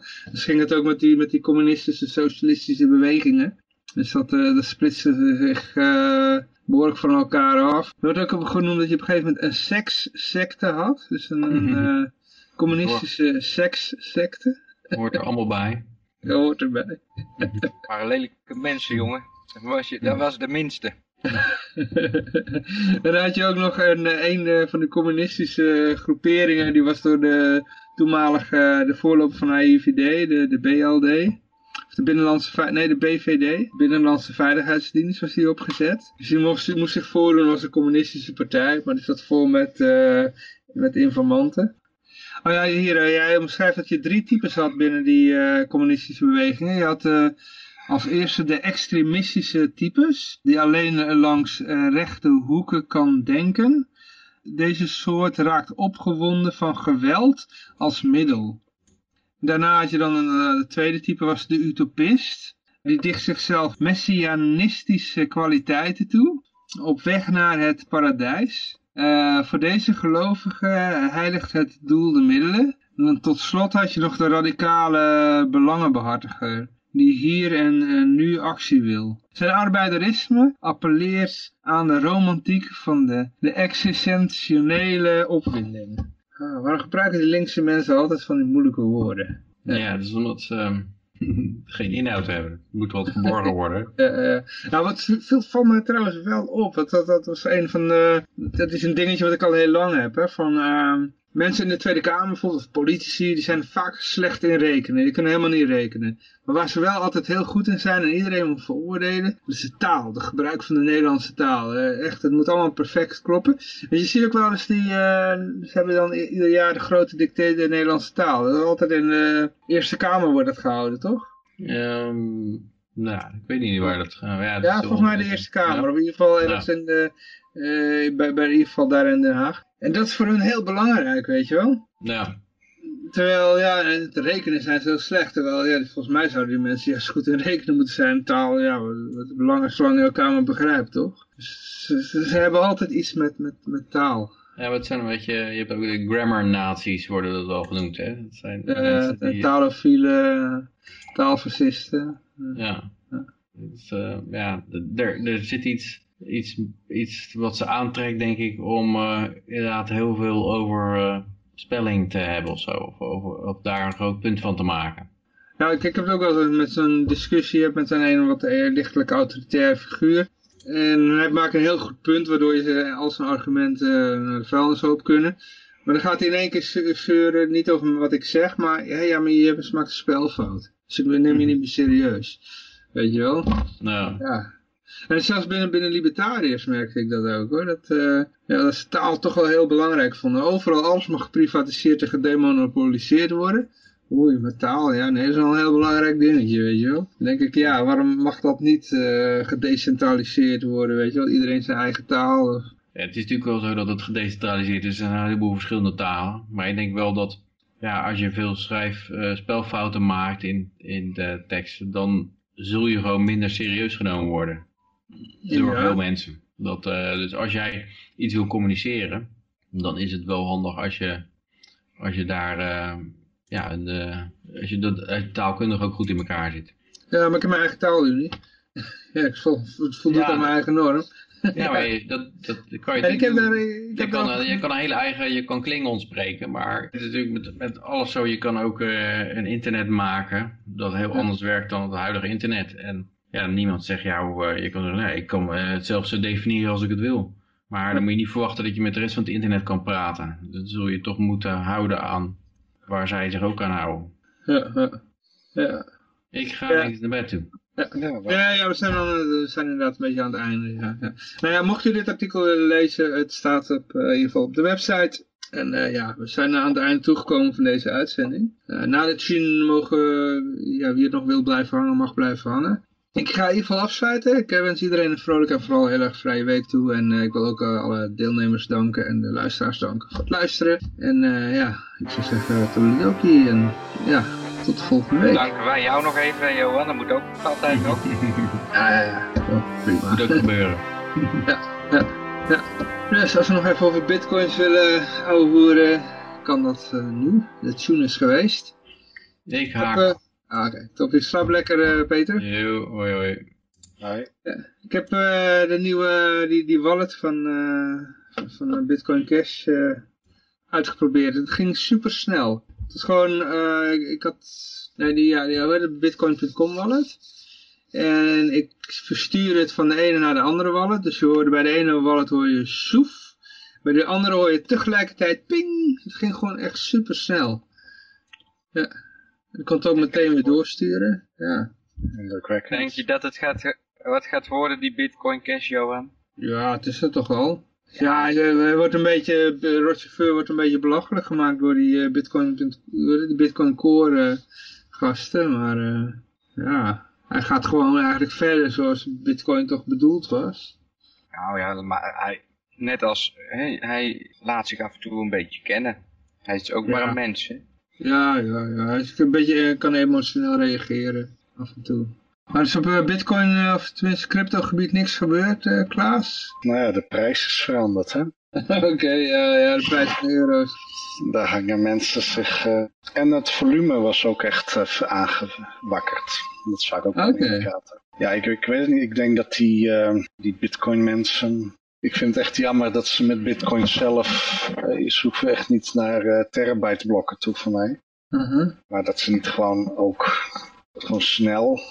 Ik, ik had gereageerd op dat ehm, mensen zeg maar een beetje wantrouwig worden als hun transacties niet eh, snel gaan bij Bitcoin. Mhm. Oh, dat is zo'n vervelende stress die je dan hebt.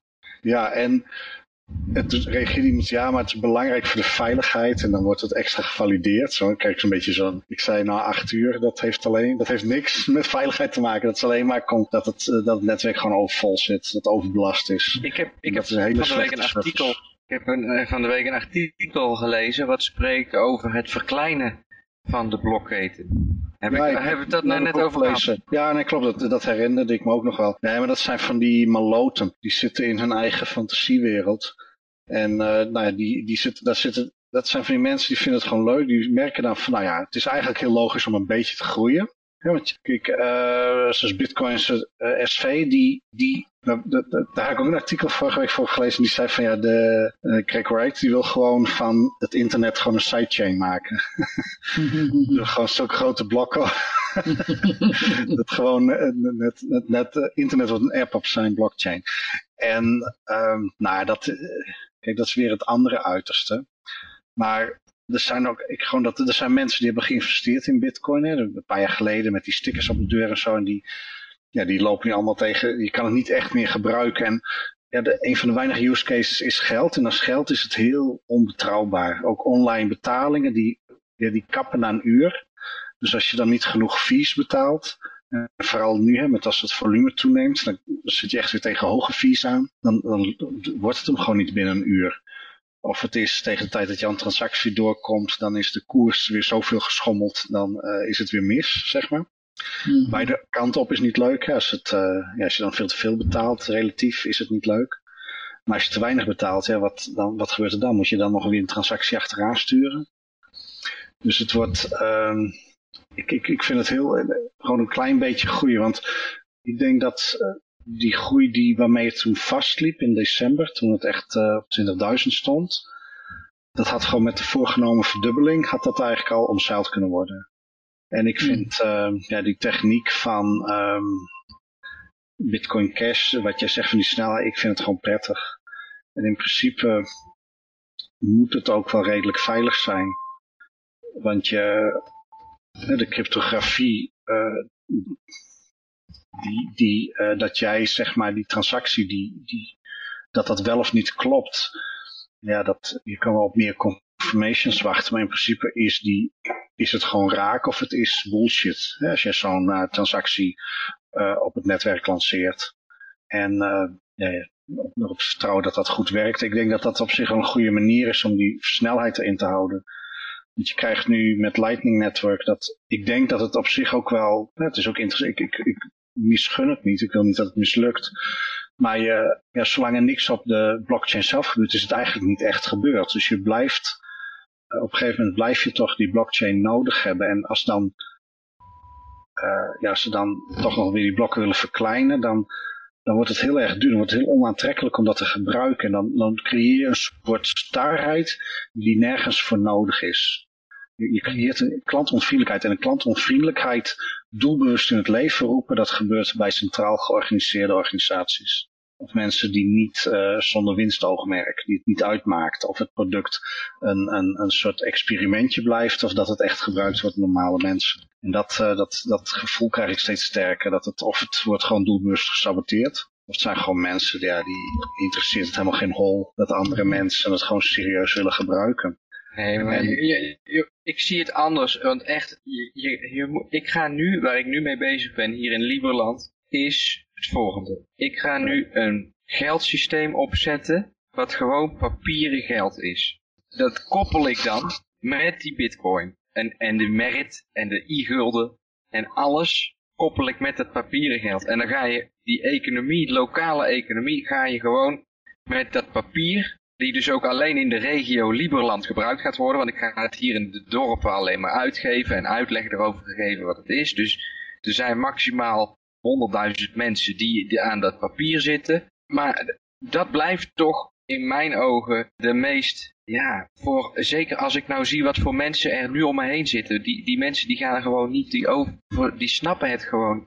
Snap je, de mensen hebben hier niet eens een, een, een, een smartphone. Nou, overdreven, maar niet iedereen. En ja, je moet dus, als je de innovatie van bitcoin nu wil gebruiken, de, het, het veranderen van het geld, dat gaat wel het is in zo'n langzaam tempo. Je kan gewoon niet iedere dag iets spannends over de economie zeggen. Dan zou er een hele zware crisis moeten zijn waarin er iedere dag...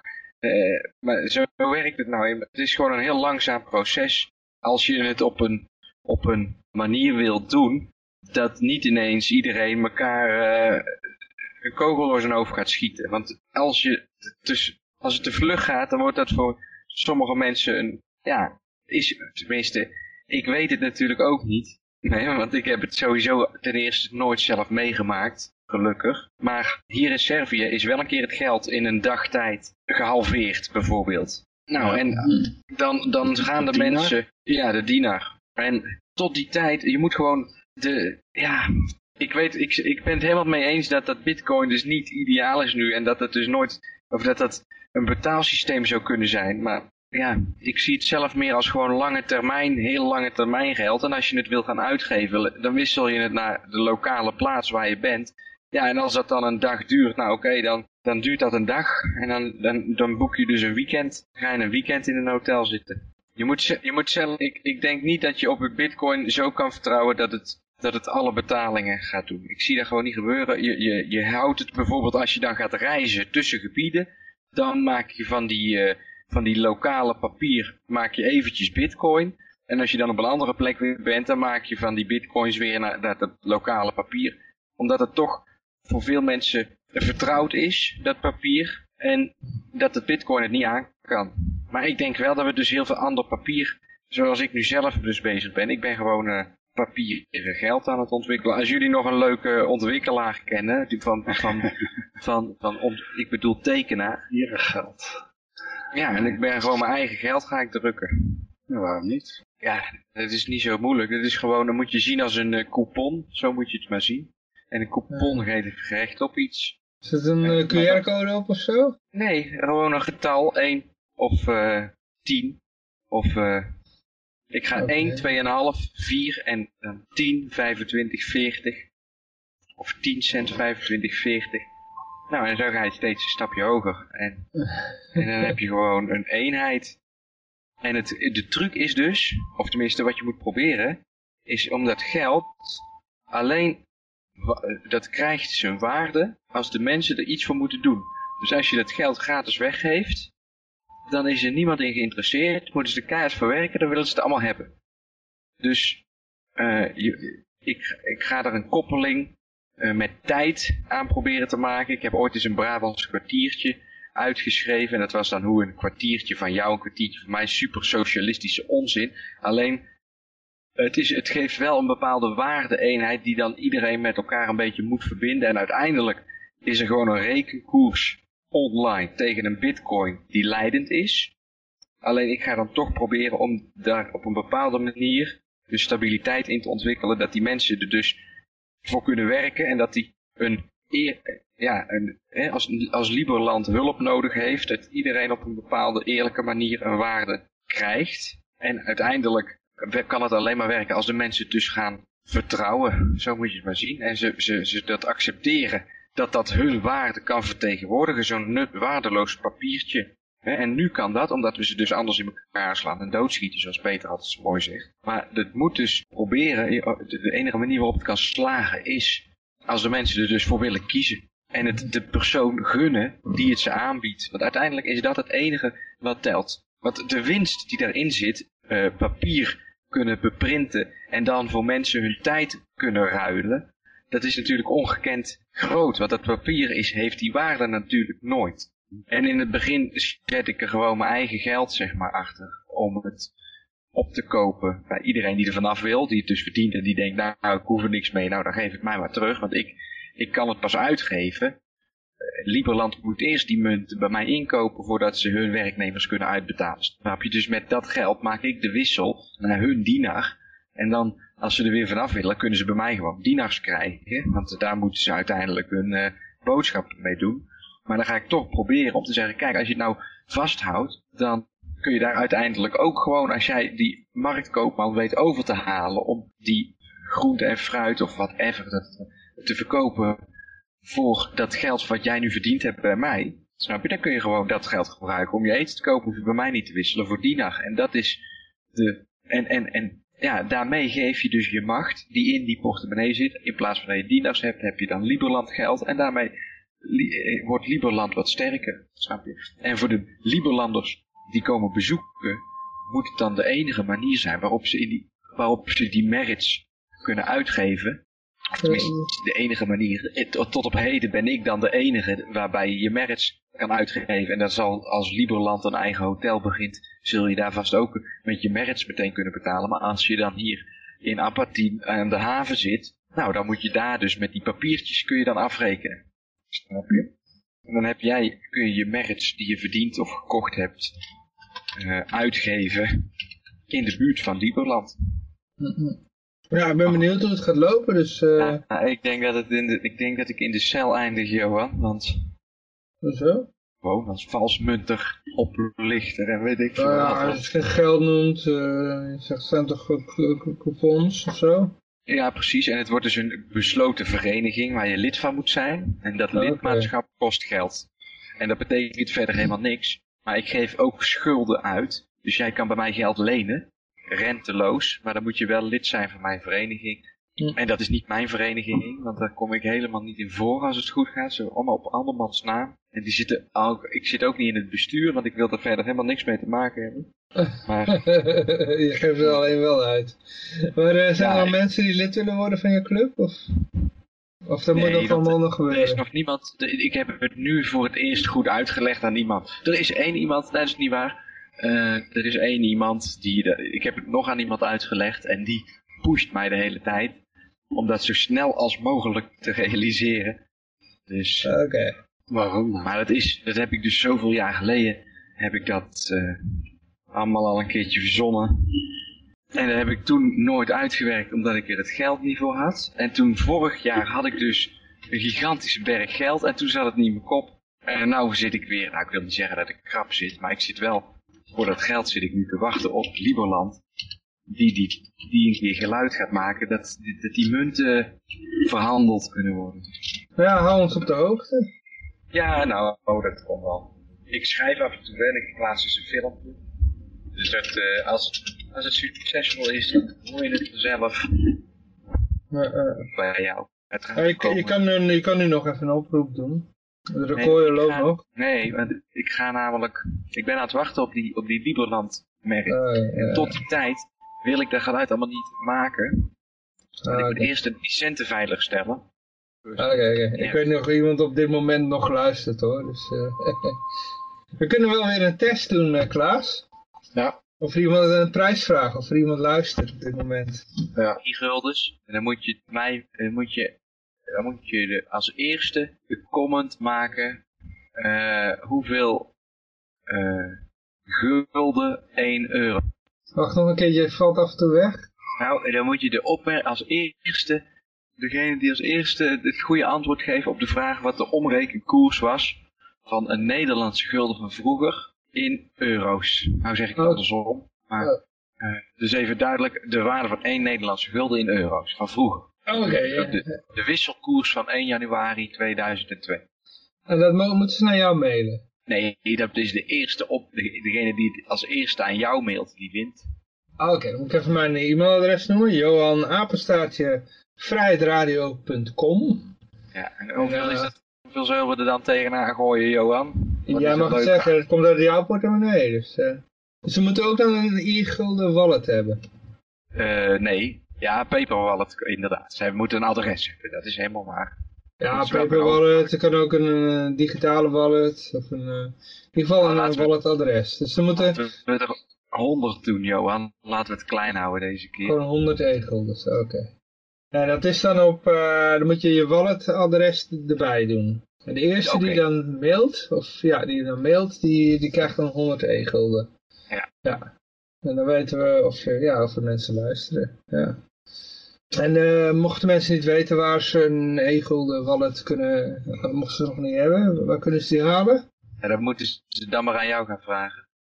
Oh nee, want ze moeten dat erbij mailen. Ja, Ja, dat is ja, de uitdaging. Dat is de uitdaging. Oh, je- de je- je- website. bij, jou, bij jou kun je toch een... eh, e-gulden.org is onze website. Dus als het goed is, moet je het daar vandaan kunnen toveren. Maar ja, ik zeg net, je moet er wel voor werken. Maar jij had toch nog zo'n website met, eh, dat, je, dat je webwallets kon doen? EFL.nl, ja. EFL.nl. Ja, efl.nl en daar kan je een wallet aan maken. Ja. Dus als je niet op je computer wil hebben, dan ga, ga naar efl.nl.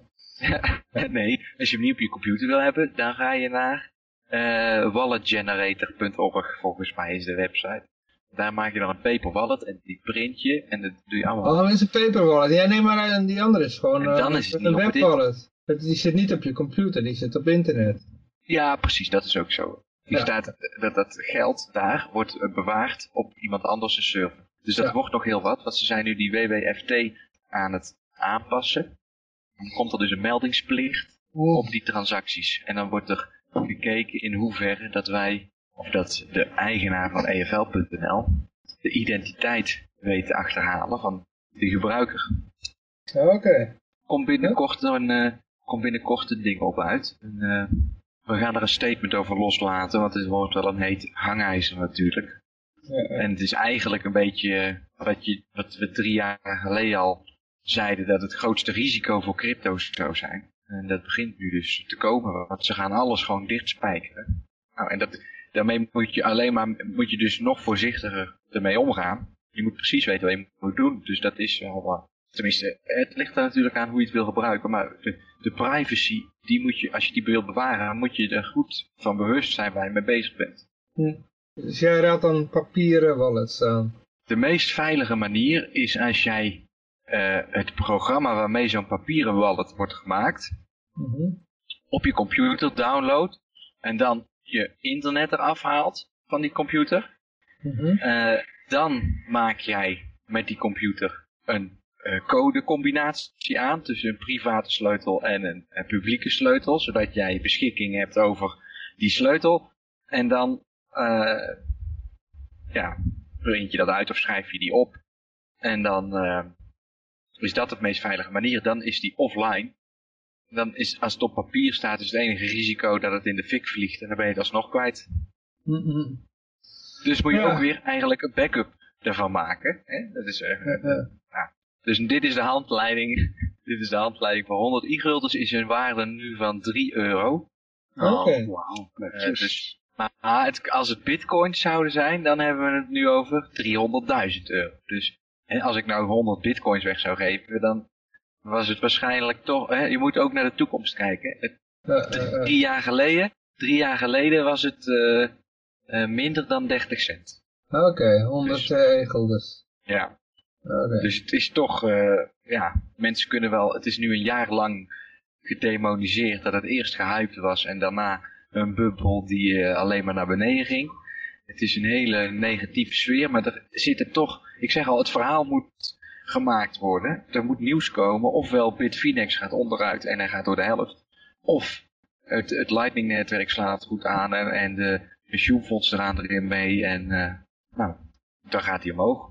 Hoe je dat? Eh, Ik zat net een po- post op Facebook. eh, Wat doen... eh, eh, dat is een gozer in Brabant, weet je nou? Cherry? Nog wat? Sherry Baudet. Nee. Die zit niet in Brabant, hè? Hier, Oh, Thierry ja. van de Vossenberg, zal ik hem even noemen.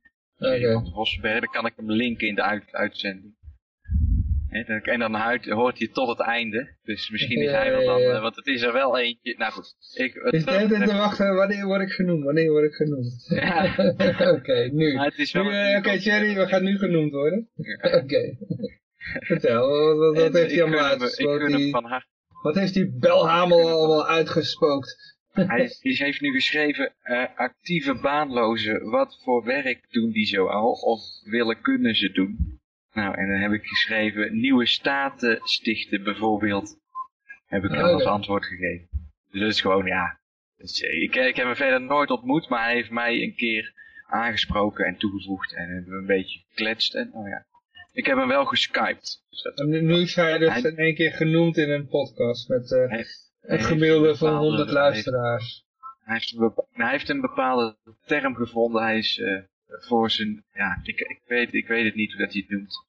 Maar hij is, hij is altijd op zoek naar initiatieven en dingen. En, en ja, ik weet ook niet hoe ik het moet uitleggen. Hij, hij. Dus Thierry, je hebt nou gehoord hoe je e-guldens aan moet vragen. En je bent ook nog genoemd. Ik gun je van harte 100 e-guldens. Ja, ja. moet hij wel als eerste naar Johan Apenstaatje mailen. Nou, we zullen zien. Misschien wel iemand anders. En misschien wordt ze wel niet weggegeven, Ja, het Dat gebeurt gebeurt zo. dat, dat gewoon helemaal niemand luistert nu, weet Ja, je. of dat ze, en dat ze dus denken aan het eind van, ja, ik wil ze toch eigenlijk niet hebben. Omdat het al, maar ja, Ja, het is uh, bloembollenhype, uh, tulpenbollenmanie. eh, ja. Ja, je had gewoon 100 tulpenbollen kunnen krijgen. maar ook voor tulpenbollen, die zijn niet zomaar in Tokio, hè. Dus dat is, Ja, eh, er- en, en die bitcoins ook niet, want er zit ook een hoop werk achter. Maar, ja, als mensen zeggen, er wordt door, door niks gedekt, eh, dan moeten ze maar... op een- outsourced, dat, dat het door niks gedekt wordt en dat het te veel energie kost. Ja, ja, ja, dat is al met elkaar in tegenspraak. Waar komt de energie vandaan? Ja. Ja. Dat is dus waar we het al eerder in de uitzending ook over hadden. Dat is die luxe waar mensen mee, hè, die kunnen dat gewoon allemaal in hun leven zich, voor zichzelf toch verklaren. En het kost te veel energie. En het, het, het is door niks gedekt. En dat is voor heel veel mensen gewoon hartstikke logisch, omdat ze er niet over na hoeven te denken. Dus ja, klopt het gewoon. Ja, ja, ja. Ze werken er niks van. Ja.